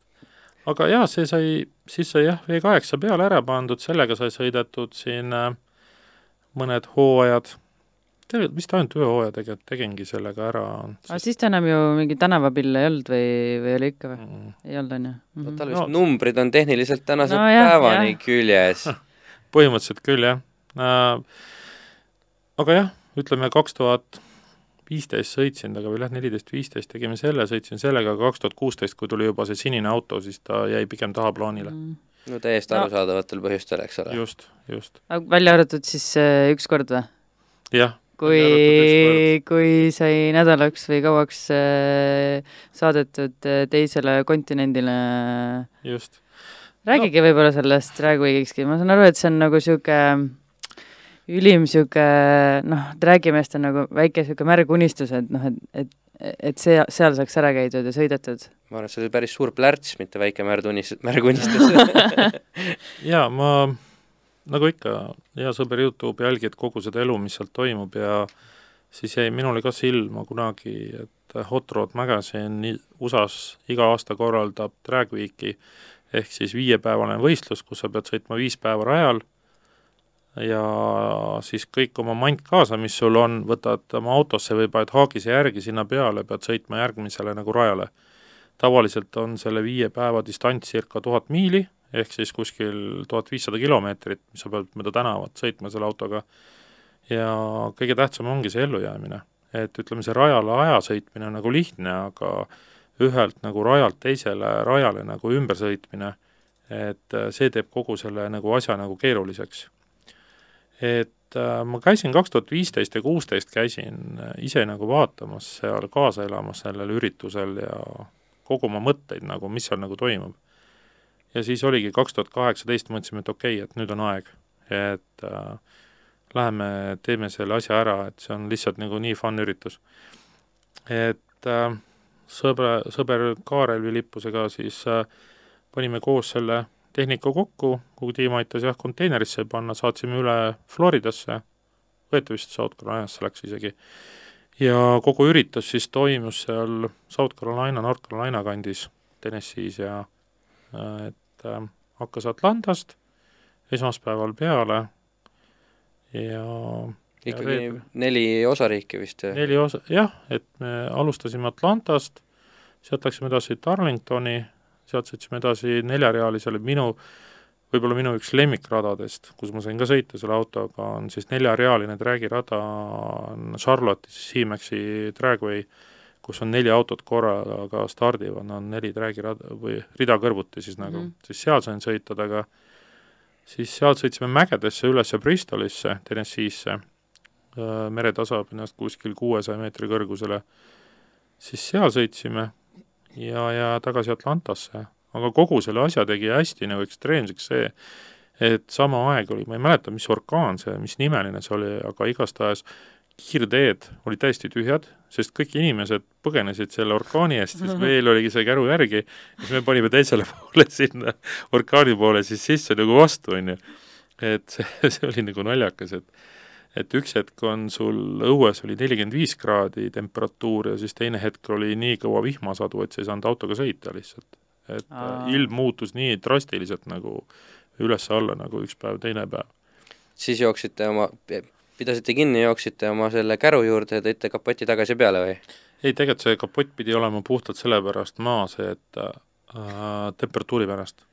sest äh, tegelikult ka õues oli, varjus oli nelikümmend viis kraadi ja kujutad ette, mis seal autos veel toimus, seal ei ole konditsioneeri ega asju. ma olin teisipäeva õhtuks niimoodi, et kui südaööseks hotelli jõudsime, siis läksin lihtsalt külma duši alla, ma värisin, sest ma olin üle kuumenenud nii hullult lihtsalt. et see oli, see oli nagu päris tegelikult nagu halb, aga kolmas igas mõttes pani ikka proovile nagu jah, see, see, see oli nagu jah, väga karm. Kokku oli stardis oli nelisada autot ja lõpetas kakssada kaheksakümmend nagu, et äh, päris ülejäänud siis äh, jah, kes katkestasid mingi asja pärast tehniliste viperduste päris palju. suur osa maantee äärde siis tõenäoliselt, jah? just, mootorid, käigukastid üle kuumenesid, minul näiteks oli tagasillas, ma elu sees ei näe niisugust teemat, et tagasilla otsas imeringid lähevad sulama, nii kuumaks läheb tagasild, et õli hakkas välja jooksma pidurite vahele. elu sees ei kujuta isegi ette siin aga väga palju aitas muidugi kaasa ka seesama käru, mis me seal järgi näeme, see oli circa tonn raske. nii et äh, tegelikult isegi, mhm. kui sa tänaval sõitsid, aga rahulikult, ja väike, väike tõus oli, siis kogu aeg kuuled, mismoodi turbod tulevad üles, et kogu aeg veab mm, -hmm. nagu käruvedu käib kogu aeg. Et see, see tegi nagu asja jah, päris nagu ekstreemseks. palju siis sel ajal Taunusel jõudu oli? umbes? me mõõtsime Dünos välja peaaegu tuhat viissada jõudu sellest mootorist, aga äh, kuna mul on seal turvakaart sees, on kaheksa poole sekundi jama mm, -hmm. kiiremini tohi sõita, siis tegelikult ma kasutasin vist ainult ühte koma ühte, ühte koma kahte paari rõhkud, aga niisugune hästi tagasihoidlikult, natuke üle tuhande jõu kasutasin nagu rajasõidus. siis ta sõitis sinna kaheksa poole sekundi kanti ennast. ja vaevu suutis kergeagist vedada, on ju? jah et see, jah, aga see on, mis mina olen Dragweeki kaasa käinud võib-olla viis või kuus nagu siis, see oli kõige ilusam nagu Dragweeki kogu see, ütleme, rada, mis me oleme käinud, see mäed, igasugu maastikud üle noh, mis iganes, et ma olen hoidnud igaks juhuks isegi need kaardid või ütleme, orienteerumine, antakse orienteerumiskaart, mille järgi, et sõidad miilis, keerad paremale-vasakule, kõik see alles et äkki mingi hetk ma võtan lihtsalt ja ma lähen sõidan uuesti lihtsalt need läbi, niisama läbi, et lihtsalt nautida uuesti, näha, mis seal muud. see on iga aasta, siis on nagu uus kaart, et ei ole niimoodi, et see on kogu aeg sama. aga see kaart, sa tead ette seda või see antakse niimoodi, et sa sõidad sinna kohale ja siis on nagu see kogunemispunkt ja siis sulle antakse seal see kätte ja sa näed alles siis esimest korda seda või? seda kaarti sa näed siis, kui äh, sa oled oma aja ära sõitnud ja lähed torni, võtad allkirja, et sul on aeg sõidetud. ja siis saad järgmisesse punkti või? järgmise punkti selle kaardi saad alles kätte, et aa, nii et sa ei teagi üldse, kuhu ei, sa lähed? ei rada ka ei tea, kuhu sa lähed? rada sa tead, aga Aa. seda teed, distantsi, kuhu sa lähed, seda sa nagu ei tea. sest teil on mingid checkpoint'id, millest tuli läbi sõita, eks ole? selles mõttes lõigata ei saa nagu, et noh, et Just. kui rada on seal, siis sa pead iga checkpoint'i juures käima tegema, näiteks auto peab selle taustal olema pildi tegema.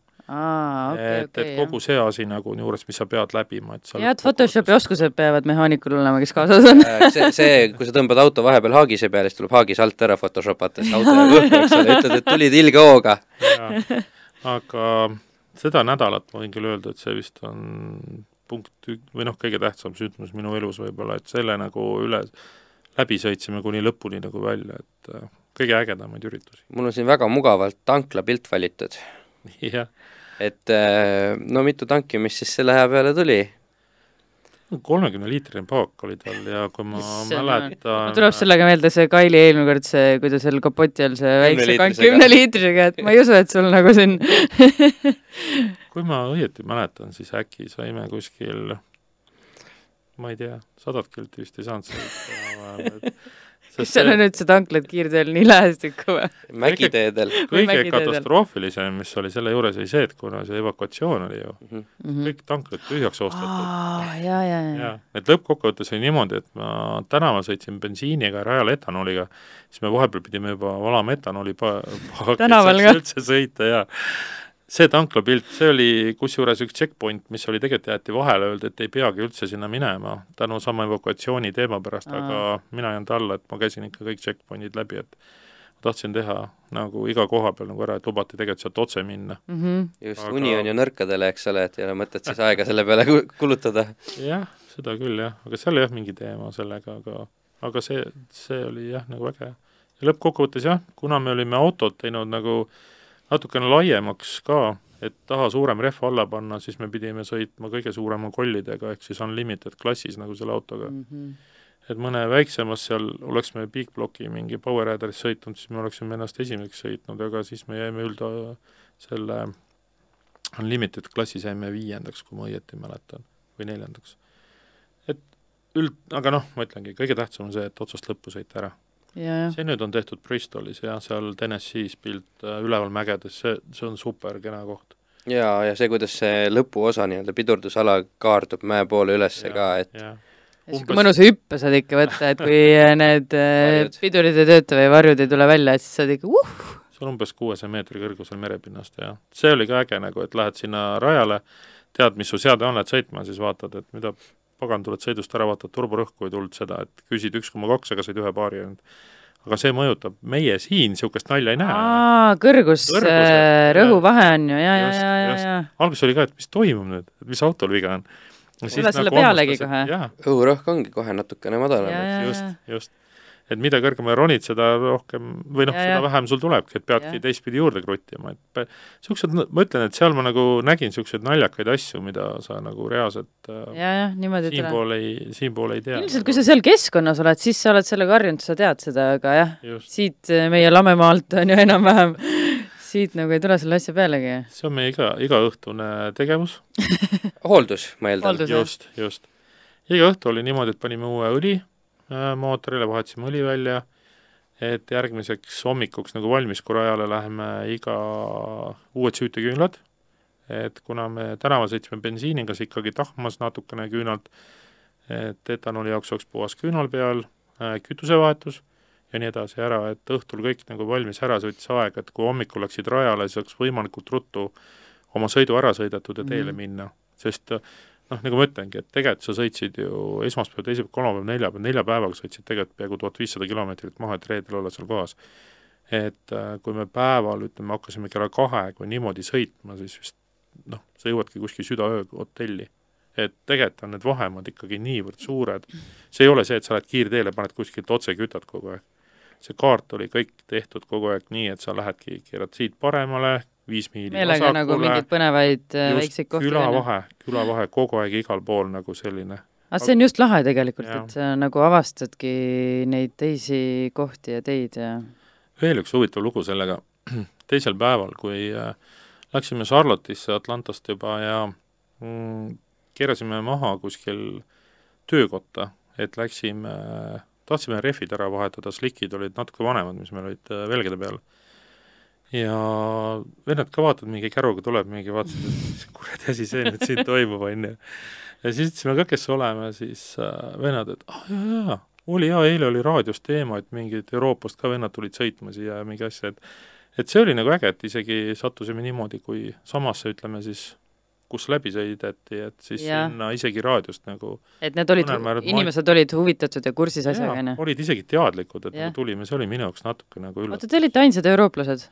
Äh,. oli veel eurooplasi, oli belglasi oli ähm, see võistlus, rootslased kahjuks ei sõitnud, sest nende konteiner ei jõudnud kohale oo, see on muidugi halb, et nagu- sa nagu jaa. oled andnud endast äh, selles mõttes kõik ja siis lihtsalt Jaa. keegi ei too kohale, on ju. see, see oli päris halb, et kuskil Hispaanias oli vist vahepeatusega kinni jäänud ja siis niimoodi, et alles kolmapäeval jõudis konteiner ah. sadamasse. nii napilt veel sealjuures, eks ole. jaa, see, see oli nagu nõme, et meie tegime selle, et me käisime Soomes, pakkisime ära ja saatsime otse nagu siit mm. -hmm.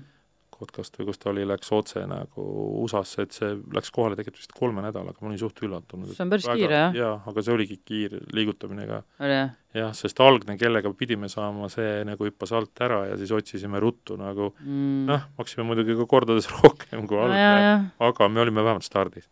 ei Ah. olnud nagu see teema, et palju, palju ma siia vahele küsin, palju seal stardis üldse on või palju, aa, mis sa ütlesid enne, oi, sa juba ütlesid ära, see on 400 nelisada vist, ja jah, nelisada autot umbes võetakse ja ja kui registreerimine avatakse, siis on üldiselt see aasta ka oli vist viie minutiga müüdi välja kõik see nelisada kohta, nii et sa pead olema väga kiire, et kui sa Aa. tahad, et siis kohe oled valmis niimoodi, et kui see kell kukub, sa tead, mis kell, et mis päev nagu see asi tuleb, et siis oled valmis kohe, et meil oli samamoodi niimoodi, et oli jah, ära, enter ära ja siis olime vist, mina olin vist kakssada kahe või oli mingi kolmesajas auto või enam-vähem ja viie minut- või vähem, paari minutiga tegelikult sai nagu tehtud ja oligi põmm juba kinni kõik. see on nagu Covidi ajal see Rally Estonia piletid või need Ver- Virtsu piletid, mis siin olid, et kõik istusid juba, ootasid seda viimast minutit, et kui läheb laivi. palju neid siis on, kes ilma jäävad? jah, Äh, päris palju on no tegelikult ma mõtlen päris aga palju, jah. mis on tegelikult, mis minule meeldib, on tegelikult see, et kui sa tahad kindlasti väga sõita ja sa teed selle ikkagi e-registreerimise ära, sa maksad selle ära endal, siis äh, mine lihtsalt sinna kohale ja tegelikult on päris paljud, kes ei ilmugi kohale. aa, niimoodi, et nad on maksnud juba ja, ja no mõned ei jõua autosid valmis asju või nagu nagu need rootslased. eks ole kolmapäeval Kuna- auto alles jõuab, nende koht vabaneb ju, eks ole. just, et äh, oligi hea näide on näiteks seesama registreerimine on veebruari alguses ja üritus toimub alles septembri lõpus. nii et noh, tegelikult me igastasse räägime pool aastat, just nimelt, et kes ei tule. Et tegelikult öeldakse see, et tule sinna kohale, ole värava taga, kui nähakse, et aeg on nagu täis, siis lastaksegi järjest need sisse ära, lähed registreerid ära ja saad ikkagi sõita. muidugi Euroopast niimoodi ehku peale ei tule ilmselt, aga, aga kohalik kindlasti võib, jah. Aga kui Mina- palju autosid olid niisugused nagu sinu autost nagu oluliselt hardcore imad ja kui palju võiks öelda umbes, et olid niisugused nagu tavalisemad? sa küll ütlesid jah, et sa olid kere lõikunud, et sul oli sellepärast et noh, lai slick mahuks alla, on ju, et sa olid siis unlimited klassi tõstetud, aga noh, tegelikult sul ei ole unlimited auto või ei olnud ju, et noh, nagu lihtsalt Euroopa Ford ei ole nii lai kui Ameerika variandid või vastud. no vaata, tihtipeale tehakse seda, et äh, kui sa tahad nagu back- või noh, tehakse back-up, siis ütleme, tullakse toa poole, et paned suurema ratta sissepoole tulla. siis mina algselt, kui ma tegin selle auto, siis oli nii, et tagaiste jäi sisse ja ma ei tahtnud teha, siis me tulimegi mõlemalt poolt kümme sentimeetrit, vedasime kere laiemaks. Et äh, viisime rehvi väljapoole. aa, et kui oleks sissepoole toonud, siis oleks pidanud istme välja võtma ja siis just, just, kuigi aga ole- oluliselt suurema ümberehitusega oleks olnud öö, madalama klassi auto, eks ole? jah, seda küll mm. -hmm. seda küll, aga aga noh, vahet ei ole, tegelikult kogu see dragviigi mõte ei ole see, et mis iganes klassi sõidad, on ellujäämine, et sa lähed, teed selle läbi. just. aga Unlimitedis ikkagi, kui me räägime suurtest autodest, siis on ka analoog niisugune nagu mul see punane auto, niisugune promoodi tehnikaga on ka ollakse isegi seal rajal. tehaksegi, reaalselt su tuled peavad p- põlema. seal nagu lubatakse tänaval sõita sellisega või? Eestis äh, sada meetrit ja juba Ei oled see on North Carolina ja South Jaa. Carolina, seal on, elu käib teiste reeglite järgi, eks ole. kusjuures seal on äge see, et kui sa võtad promoodi auto, tee, hakka normaalselt toimima, suunatuled, tuled, asjad kõik tööle, värk ära, sa lähed, näitad selle auto ette, sa saad kerenumbri ja sa saad tehnopassi, võid minna promotiga tänava sõita. issand jumal. tegelikult ja, jaa, ja see on nii müstika, tegelikult see auto on samamoodi Eestis äh,, kunagi kui ma ehitasin ümber, siis Arcutis ta nagu ütleme, selle ülevaatuse ära, et mm. -hmm. noh, arvelt maha põhimõtteliselt on ju, et mine näita ära. mis oli nagu äge, on see, et USA-s ei ole vaata ülevaatust Mm kui -hmm. sellist asja. ja siis oligi nii, et ma võtsin selle Eesti Tehnopassi kaasa, trampisin sinna, aga sul peab olema kindlustus. ja siis läksid kindlustusse, siis läks veel poolteist tundi, nad vaatavad seda Tehnopassi, et kus, pagana, kuskohast te olete tulnud, kes te olete sa tegid siis USA kindlustuse, ma saan ma aru, tegin jah? USA kindlustuse, et USA-s sa saad sõita, sul peab olema kindlustus mm. Mhm. ja tegingi selle kindlustuse ära selleks ajaks, et kui me seal võistlesime, siis tegimegi kindlustuse peale, autol oli kindlustus olemas, number oli küljes ja sõitsidki tänaval, kõik oli okei okay. Šerif viskab, viskas sulle käppa ja tee ääres, nemad ka nautisid kogu seda teemat. Ameerikas on vist need bensiinipead, neil on nagu rohkem seda soontes kui siinpool nagu maailmas ka. küll vist on niimoodi, et tegelikult täna saaks peaaegu et sellise auto Eestis nüüd arvele, sest No nüüd, tehti nüüd. ümber need vedrustuse ja kõik niisugused reeglid, et noh, turvakaar võiks küll olla ainult kaar, et sa peaksid selle ust, ustest mööda minevad no need talad ära võtma, aga mootorit võib ju vahetada, sildasid võib ju vahetada, isegi laiemaks võib vedada auto, eks ole, et no kindlasti summuti alla asjad võib-olla jah, isegi oleks võib-olla isegi Mhm. reaalne ja et, et, et noh, kui sa kohe võtad alguses selle, et võib-olla tagasi ehitada natukene, võtta tagasi neid asju on vähe keerulisem, aga kui oleks nagu teadnud sel ajal, kui sina seda hakkasid ehitama, oleks võib-olla olnud see isegi võimalik, on ju. kümme aastat tagasi ei mõeldudki niisuguse ei no siis ta ei olnud lubatud ka, aga et kui Just. oleks teadnud, noh täna hakkaksid sellist asja ehitama, siis isegi saaks vist sellise asja põhimõtteliselt mingite mööndustega arvele. ma usun küll, jah. võib-olla see, et noh, üle laadida ise ei tohi, eks ole, et noh, ülevaatuse jaoks peaks siis olema sul nagu ka niisugune seade, mis on ilma turbodeta ja no niisugused asjad, aga Downgrade'id natukene ja siis pärast paned tagasi midagi. Seda no küll, umbes nii, jah jah, Ja. mis, mis, mis tast tänaseks saanud on, enam sinu käest seda ju vist ei ole või? ma müüsin selle paar aastat tagasi ära äh, ja nüüd on ta omakorda on, kes ostis, see inimene on omakorda müünud selle veel kord edasi. et, et on, on, on tee järgmise inimese käes. aga on teda nagu näha, lootus näha kuskil ka raja peal sõitmas või? ma väga loodan. Ma väga utsitasin seda uut äh, ostjat, et minna ja teha, aga siis ta praegu ütles, et ta pigem või noh, ta on töödega nii hõivatud, et tal ei ole selle jaoks väga aega. muidu hästi normaalne inimene, ka autoentusiast. äkki nüüd kuuleb ja siis tuleb moti, moti peale rohkem, et oh noh, jah et-, koputame südametunnistuse peale, et ärme lase ämblikuid sinna summutisse kasvada on ju. Aga, aga ma tean, et on igastahes pannud ta praegu samamoodi pakkumisele, et kui keegi nagu tahab, saab võtta tegelikult valmis kaheksa poole Mhm. sekundi auto, mis praegu mine istu sisse, mine kohe sõida. jaa, et rahakotti küll ei piilu, aga, aga et kui palju niisuguse auto jooksutamine võiks nagu eeldada siis? per võistlus või per etapp või hooaeg või et noh, kui, kui keeruline sellise auto jooksutamine siis üldse oleks ja Sellel kui autol- kallis see võiks olla? sellel autol ei ole üldse kallis, kusjuures kuna ma olen ehitanud ta niivõrd suurte varudega, kõik asjad, kui kunagi tegin käigukastid, mootorid mm, -hmm. Mhm. kõik asjad, siis vahetadki samamoodi iga etapp, vaheta lihtsalt mootoriõli ära ja vaata põhiasjad ära ja pane teised rehvid alla ja mine, mine sõida, et äh, terve hooaeg, ma arvan, et suht olematu. Väike Jah. õli ja kütus ja ongi kõik. hooaja lõpus vaatad saaled üle, kui on korras, siis äh, tagasi kokku ja läheb Just. järgmiseks hooajaks on valmis auto, jah. ta on väga pommikindel tehnika, see varu on nii suur ja igasugu asjadega seal. aga kahju ei olnud siis seda niimoodi maha müüa oma ehitatud lapsukest, et see on ju sinu garaažist sõna otseses mõttes tulnud. no oli küll tegelikult, aga mul oli lihtsalt ressurssi vaja selle uue punase auto ostmiseks, ma müüsin päris palju autosid ja asju maha endal nagu, et saada, mm -hmm. saada see punane auto, nagu ütlen, sinine auto läks minema, kogu see tehnika, see, et Noh, saada promodi autost. sinise minek on nagu sada protsenti loogiline, et ta on teisest kohast tulnud, eks ole, ei ole päris nagu oma kätega ehitatud, et jah, ta on küll kokku pandud, eks ole mm, -hmm. aga et et noh, sellist asja on alati natuke lihtsam loobuda, aga just ja see ei ole emotsionaalselt nii noh nii, siduv, eks ole. tead, kui sa istud sellesse uude punasesse autosse, siis mõtled, et las see minna, et sa, Seda küll ma tean, sa saad jah. aru sellest, tegelikult nii on jah. et äh, noh, see uus promoodi auto, seal on, seal istud sisse, sul on ruumi, sul on mugav, sul on kõik tehtud nii, nagu olema peab, kõik on nagu okei okay., sellel taunusel sa ei pannud mingi pedalboksi asjad, sul olid jalad suht ees üleval, kui sa sõidad ja asjad, ta ei ole nagu nii mugav, et äh, aga noh, ta ongi tehtud praegu pigem rajasoolitusega, mitte enam niivõrd nagu mugavussõiduks, ütleme tänaval, on ju Mhm. et, et tuua sinna tagasi on nagu see teine teema, et äh, jah, loomulikult, eks mingi hetk siin auto kõrvale oled, vaatad, on äge ja mõtled, et on ikka ägedaid aegu olnud, et ega ta, ega ta halb ei ole ja ma loodan, et ma ütlengi, et uus omanik naudib väga seda uuesti edasi, et selle auto väärtus, ega ta ei kuku, sest praegu, kui sa seal autol käid üleval ja all, sa ei leia mitte grammigi kuskilt rooste täppigi, et ta on nagu uus asi tegelikult Mm. mm. täiesti, see kere ja kõik asjad seal, et nojah, et korralik väga, väga, väga korralik asi. korra küsin, et see on nii huvitav, et nimetad, et punane auto ja sinine auto ja nagu siuksed noored tüdrukud, et mis auto ostsid? punase auto.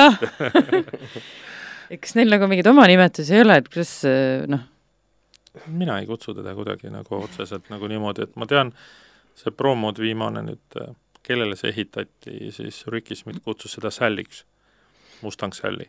et äh, oli niisugune, aga ma ei tea, veider oleks öelda ka Mustang üks, Mustang kaks, võib-olla Mustang kolm kunagi, et noh, lihtsam on ju värvide järgi kutsuda neid, on ju. just, just. Aga nüüd, kui me oleme ikkagi niisuguses nii-öelda sentimentaalses ja isiklikus teemas, siis võib-olla liigume üldse tänava peale nüüd. et äh, noh, sa oled ju, see oli sinu, see Taunus oli sinu esimene nagu päriselt kiire auto, aga tegelikult ju sa käid nagu ennast siis lõõgastumas maantee peal või tavasõitudes ka ju niisuguste võrdlemisi käredate masinatega ja oled ikka igasugu erinevaid asju ju proovinud, et äh, noh, juba rääkisid Nissan GT-R-ist näiteks jah, kaks tuhat kaksteist või kolmteist jah, kui sai Saksamaalt toodud endale GTR-i see auto, ma sõitsin temaga vist kaks aastat ja sõitsin mingi sada tuhat kilomeetrit maha kahe aastaga uh,. et ma ikka sa, sa ikka nautisid no ikka täie raha eest öeldakse selle peale. USA Oli... foorumites on niimoodi, et kui sa oled üle kahekümne tuhande sõitnud võim-, võimsa autoga, siis öeldakse high mileage ja et noh, et siis ja. on ikka juba noh, põhimõtteliselt võid maha kanda endale sportauto, et kõige paremad naljad vist olid sellega see, et ma tegelen ise igapäevaselt äh, mingisugune reoveesüsteemide, igasugu niisuguste asjadega mm, -hmm. veesüsteemidega, ja siis ühel objektil oli ruttu vaja viia mingi malmluuk ära, siis viskasin selle sinna pakassi, läksin objekti ligi lahti, siis vennad segasid kukalt ka, et sa oled debiilik kuhu sa paned seda, ma ütlesin, mis siis oli vaja, et teil oli kiiresti vaja seda. jah, see on ju kiire töö. kiiresti ära. kiirkuller sõna otseses mõttes. just, aga ma müüsin ta Kreekasse kusjuures maha ja ta on siiamaani minu arvel minu nimel veel kusjuures see auto, aga mehe, see omanik, kes see ostis Kreekasse selle, see loopis selle kõik välja, sisu tühjaks ja tegi turvapuuri sisse ja Aa, okay. ja tegi ringraauto sellest, et andsid sellega ringrada minna. tõenäoliselt äh, kui ta tahaks seda Kreekas arvele võtta, siis ilmselt oleks tal mingid maksud, mida ta üritab siis sellega vältida ja ma ei tea isegi seda. mingi põhjus ju ometi peab olema. ajutiselt on, ajutiselt on igastahes Eestil mul arvelt maha võetud ja niimoodi ta seal igastahes Maanteeameti lehel mul ta seal üleval on, aga no võib-olla ta lihtsalt ei näinud pointi, et kui nagunii läheb rinkaautoks, siis äh, noh, vist tal ei oleks vaja olla ja, ja arvele ja. võtta, eks ole. täpselt, täpselt nii, täpselt nii ta on, jah. aga mis on võib-olla huvitav selle auto puhul, on see, et kui ma ostsin ta, mis ta on siis, kümme aastat tagasi enam-vähem, siis praegu see auto väärtus on suurem kui see, mis ma siis ta ostsin. see on ja, nagu, see on nagu, mis on minu jaoks nagu natukene nagu imelik, aga äh, kukkuski kuskil sinnamaani täpselt see hetk sinna ära ja siis ta jäigi sinna püsima, see Keteri nagu käisid kolmekümne viie peal ära minu arust isegi noh, nagu madalama otsa autode oleneb jaa, aga no need, need on ei noh, seda küll, aga, aga, aga nüüd küll. hakkab, hakkavad hinnad viiekümne kandist kuskil, et noh no näed, siis on, siis on juba jah, et ega need, mis on otsa sõidetud, on otsa sõidetud ja midagi neid on, et mm -hmm. aga, aga igastahes jättis see auto mulle nii nagu sügava mulje, et ma äh, kui ma müüsin paar aastat peale seda ära auto, siis ma aasta otsa ei suutnud autot osta. ma käisin mitte miski nagu... ei täitnud seda tühimikku ei. nii, niimoodi, on ju? jaa, kõik mhm. oli ilma hingeta mm. -hmm. et äh, see oli nagu huvitav. aga siis ma leidsin ühe auto ja mis, just, et mis nagu täitis selle tühimiku ja puhtalt müüs ta maha ennast oma istmega. istusid sinna istmesse, SRT iste, see korviste uh. -huh. et kuna ma olen ise ka suuremat kasvu mees, siis paljudel autodel on see, et noh, ei ole ruumi, ütleme, või nii palju, et lai oled hästi õlgadest ja mm -hmm. siis äh, SRT-l on tõesti, on tehtud ülihea iste. et kui ma siin käisin kas Saksamaal või kus iganes vahet, sa võidki lasta pikalt jutti sellega ja selg ei sure ära, keha ei sure ära ja sul on väga, väga nauditav. no eks see ongi võib-olla sellepärast disainitud, ega nendel ongi vahemaad seal ju palju pikemad kui meil siin on ju, et nad võib-olla ongi disainitud kuidagi juba selle arvestusega. ei ole. ei ole või kui sa lähed Ameerikasse, mine vaata neid inimesi, ma olen poisikene nende kõrval. selles suhtes, et äh, see on sellepärast need istmed tehtud selliseks, sest seal ongi Big and tall on üsna levinud äh, ja. poe uksel oleva okay, kiri okay.. just, just, et seal kandivad ennast sisse ära ja okay. ja, ja läheb, et ma arvan, et see on puhtalt selle pärast. Pole küll, jah. aga mina olen tänulik selle eest. et selles suhtes väga, väga nagu nauditav, aga jaa, ei, väga mõistlik auto, SRT, ta küttekulu poolest isegi ta on kuue koma neljane hemimootor, aga kui sa sõidad rahulikult teel, siis ta on mingi kaheksasajale või?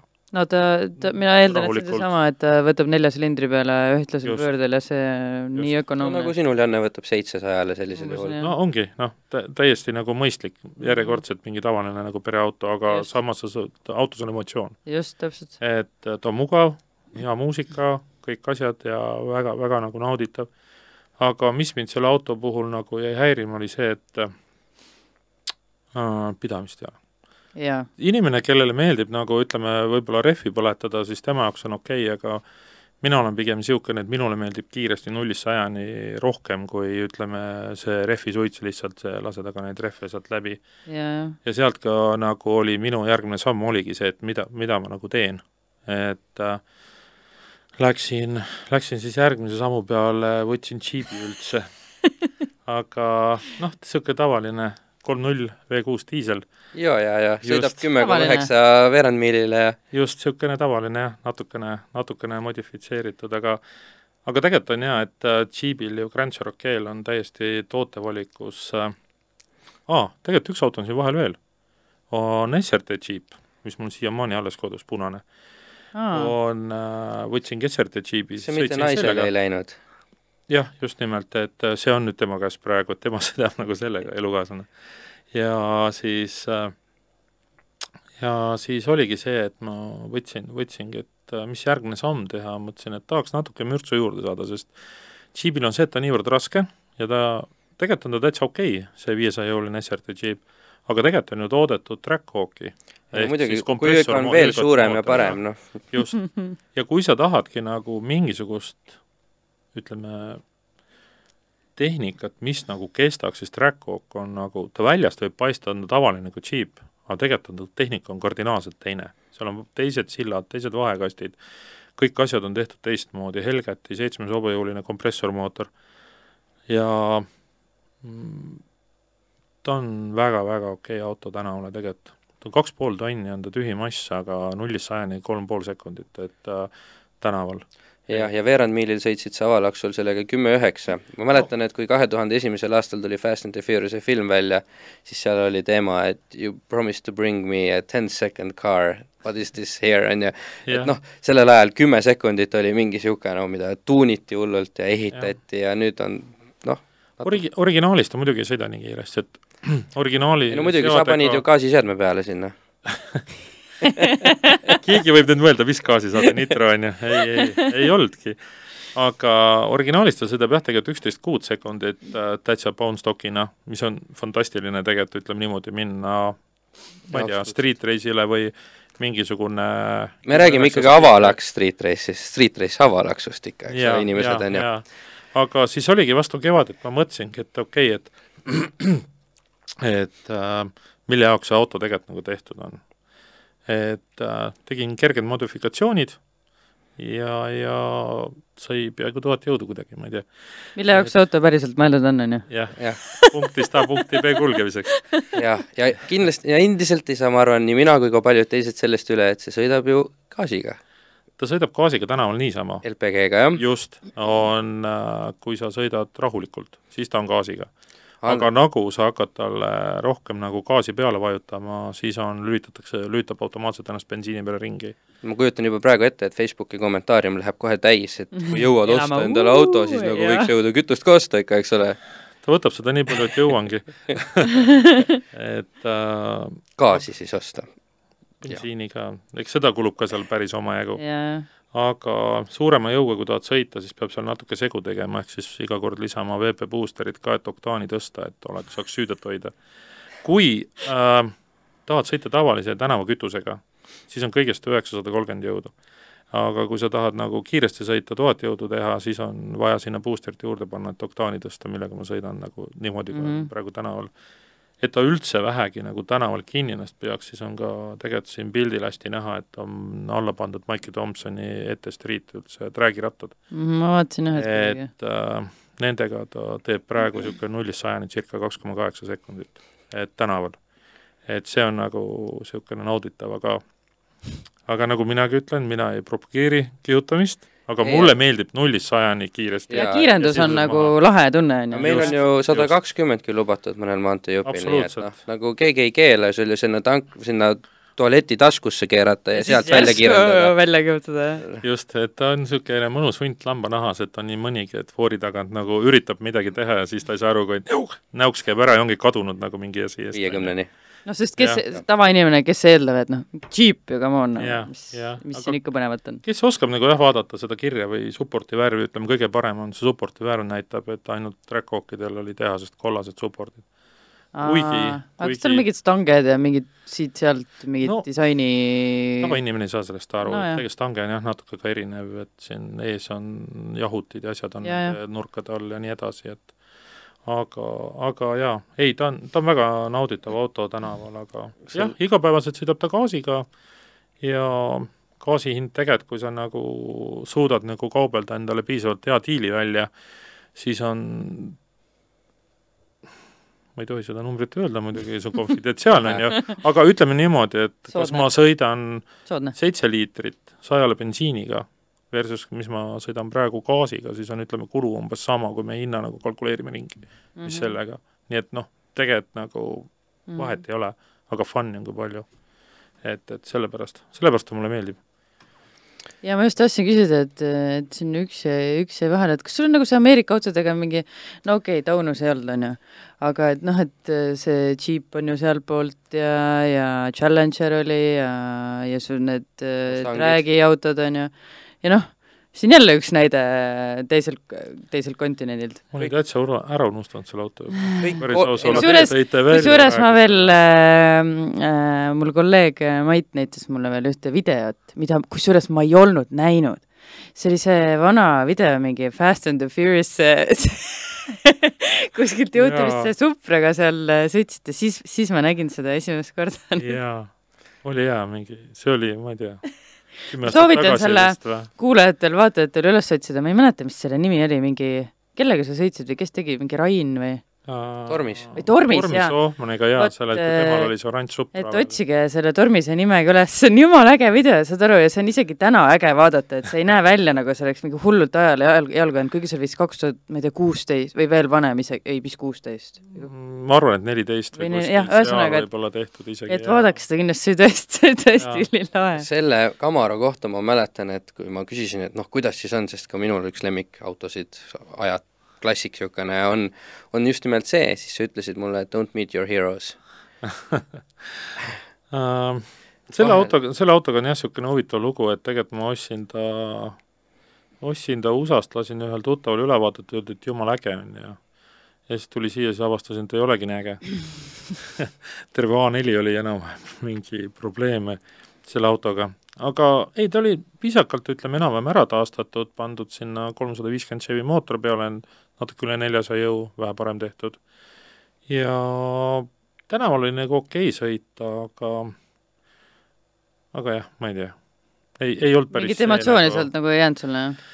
Teda on ilus vaadata, aga sõita, aga, ta ei ole- sõit, aga sõita ta on nii jäik, kuna ta on SS veel oli, siis ta jah, oli nagu vedrustus oli nii jäik, suht niisugune nagu puupingiga sõidad, teiseks see küttekulu oli nagu nii absurd. no nendel vanadel on jah. jah. räägib mees, kes sõidab seda tuhandejõulise Trackhawkiga, et jaa, Aa see nad Trackhawk võttis kaks korda vähem kütust kui see ja jaa. siis võttis ja sellel oli ainult nelisada ja viiskümmend jõudu või Mhm. aga, aga jah, ta, aga ei, temaga oli nagu okei niimoodi kul-, kui sa kuni krui- kaheksakümmend just Nad on kruiisipillid, vaata Kailiga me eelmine kord ka rääkisime, need vanad ameeriklased, need on kruiisipillid, nende, need ei ole mingid tõmbe või ma ei tea, mingid niisugused kurvi, kurviautod. burnout'i tegemiseks just, fantastika. täpselt, just, täpselt. ja kaheksakümmend kilomeetrit tunnis kuni kiiruse äh,, super hea Jah. kulgedki rahulikult niimoodi, jah.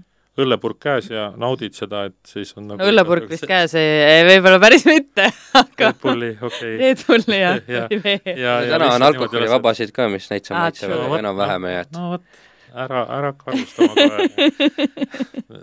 aitäh, päästsid mu välja praegu. et jaa, aga siis ma jah, ta vist paar aastat oli ja siis ma müüsin ta Soome nagu edasi, et läks, läks soomlaste kätte.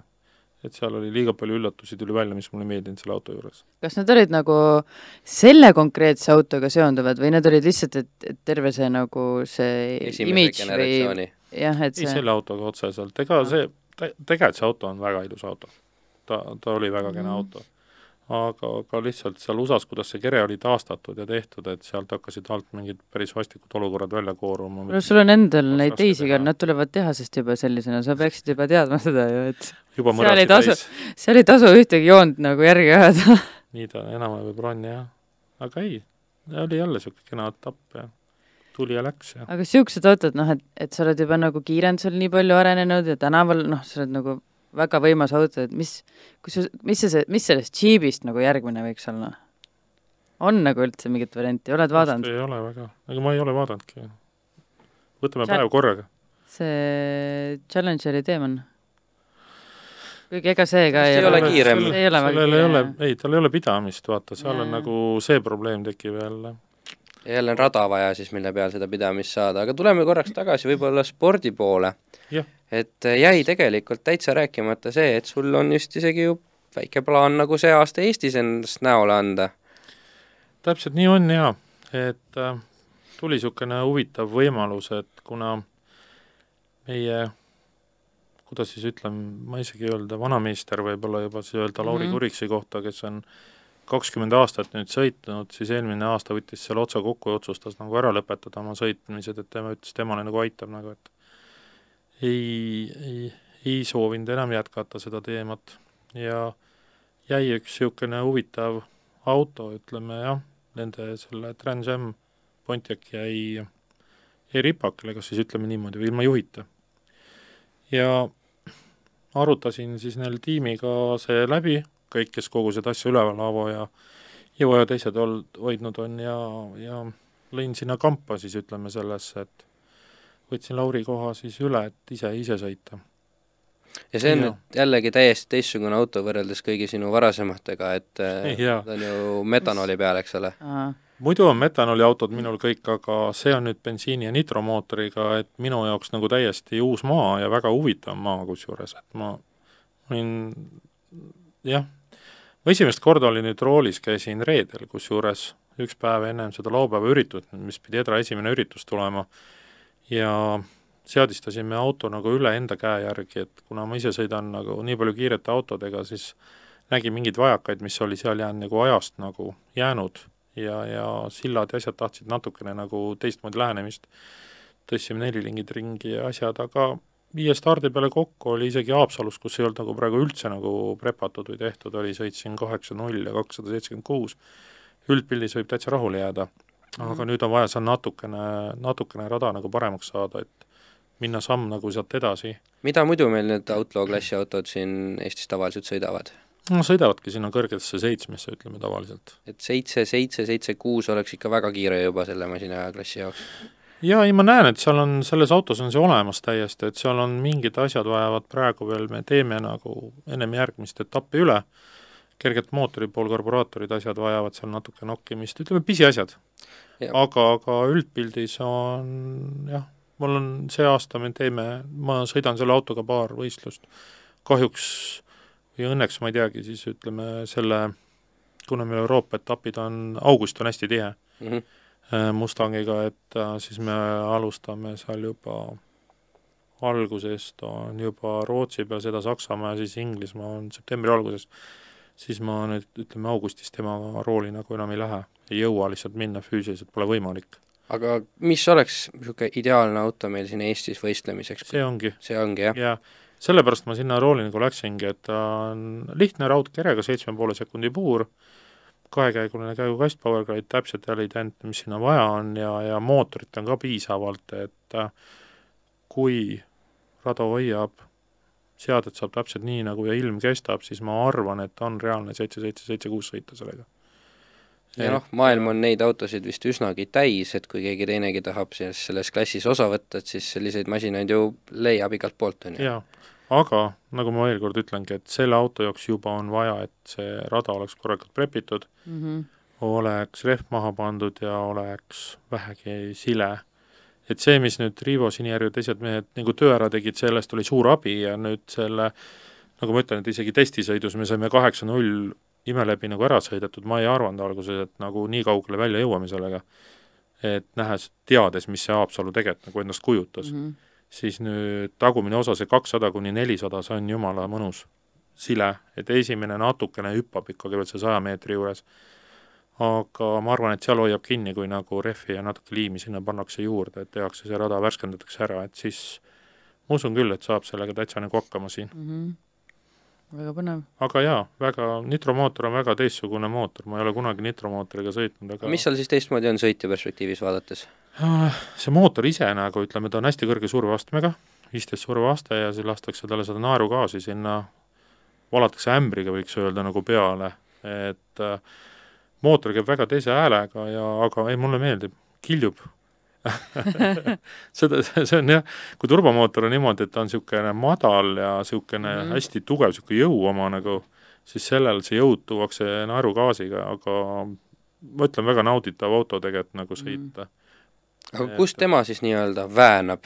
alt, ülevalt alt otsast? alt temal on alt otsas, kogu see jõud on allotsas. kompressorautot natukene siis meenutab sõidu poolest? jaa, alumise otsa saad hästi teravaks ajada all, et äh, kui, kui, kui nagu teha, jaa. aga ma mõtlen, et mul on tore meel või hea meel, et Aavo, Ivo ja kogu tiim nagu pakkusid selle võimaluse välja, et et, et näed, me tahame ise edasi teha seda asja, kas sa tahaksid sõita, siis ma ütlesin mm, -hmm. et okei okay,, et lollus oleks ei öelda, sest oma autoga kahjuks jah, siin Eesti radade peal ma ei, ma ei raatsi, ütlen siis juba niimoodi, seda autot nagu siin lõhkuda ei no sellega sa ei saa ju hoogu ka ülessegi nii-öelda, et noh. ta on liiga jäik, minu auto on liiga jäik, et ta on spetsiaalselt ikkagi tehtud nelisada pluss kilomeetrit tunni mm -hmm. ja viie, noh, seal, see on täiesti ei, kardinaalselt erinev. tühikäigul kulgemiseks ei ole ju mõtet tuua teda siia hüppab, vaata, ei ole nagu mõtet, siledat asja on vaja.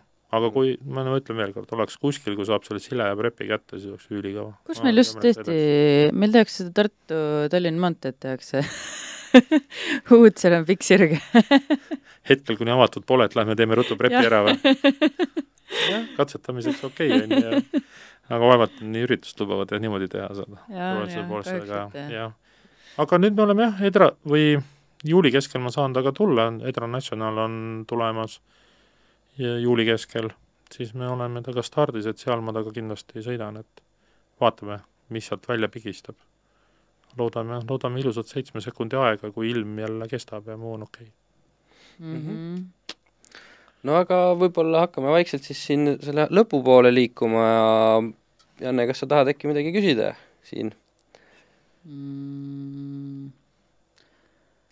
küsime siis selle õli tulle valamise küsimuse ka alati ära, et sina oled ju ka ehitanud palju ja ja suudad kindlasti väga hästi hinnata seda, mida teised teevad ja öeldakse ju, et kõiki neid ehitusi tuleb austada, aga kas on mõni tuuningsuund, mida võiks mitte eksisteerida?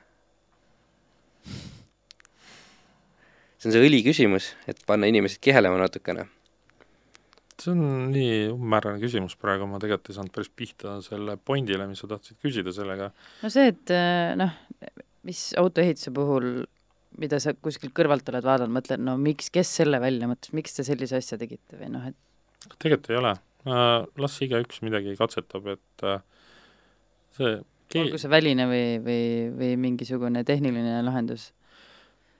tead, ma olen tegelikult selle üle nagu hästi õnnelik, et kuna ma olen nii kaugele jõudnud oma asjadega, siis õnneks tulevad inimesed hästi palju küsima nõu, ennem mm. kui nad hakkavad midagi ehitama praegu viimase aasta jooksul ma olen vist pea viie-kuue autol nagu suunanud nagu kuidas teha, et mis juppe kasutada, mis juhtajusi kasutada, mis iganes nagu asju, see näiteks isegi, millega ma sõidan, FuelTechi üks maailma parim juhtaju, et äh, paljud ei teagi, tegelikult ma olen Baltikumi esindaja sellel nüüd ütleme üle, et aitan nagu nende asjadega ja, ja nii edasi, et äh, hea meel on näha seda, et inimesed nagu tulevad ja küsivad, sest noh, julgemaks on olen... muutunud ka muidugi, jah jaa et..., pluss noh, mina olen ju kooliraha ära maksnud, on ju, et selles mm. suhtes siis oleme nagu rumal oleks jätta sinu kooliraha kasutamata, eks ole. absoluutselt, oi kui palju kokku hoiab selle pealt praegu paljud hoiavad. aga ei, mul on hea meel, ma ütlen, et siin käisime sama nüüd, kui käisime reedel testimas, oli üks teine auto, mis aitasin ehitada ka ühe mehe, väga super. kõik, kõik toimib nii, nagu enam vaja ja, ja, ja ainult hea meel on seda näha, et inimesed kuulavad mm.. see ongi kõige tähtsam, kuulata inimesi, kes midagi on teinud juba kauem ja küsida ka, julg-, julgeda küsida, et ei pea Just. nagu häbenema, et mis, mis, et häbi tundma, et ma nüüd pean nagu mingisuguse sõbra käest küsima või, või võõra keele, võõrale kirjutama, et mis ma ei hammusta, tulge küsige. ma proovin aidata kõiki, see on kõige tähtsam. ma arvan ka. aga ma küsin siis ühe päris lõpetusküsimuse vast veel, et äh, sul Fordi Small Blocki nii-öelda maailmarekord on käes, kas sinu selle praeguse Pro-moodiga on ka mõni maailmarekord võimalik püüda? Selle auto puhas idee oli see, et äh, oleks üks kindel klass, milles sõita. ehk siis me see aasta lööme esimest korda kaasa terve Euroopa FIA hooaja etapid ja tulla seal, kui esikolmikusse suudaks, siis oleks nagu ma ütleks sada protsenti nagu see aasta nagu idee täidetud, et praegu esimesel etapil oli ka kuus autot, oli, kuusteist autot oli stardis ja jõudsime poolfinaali välja.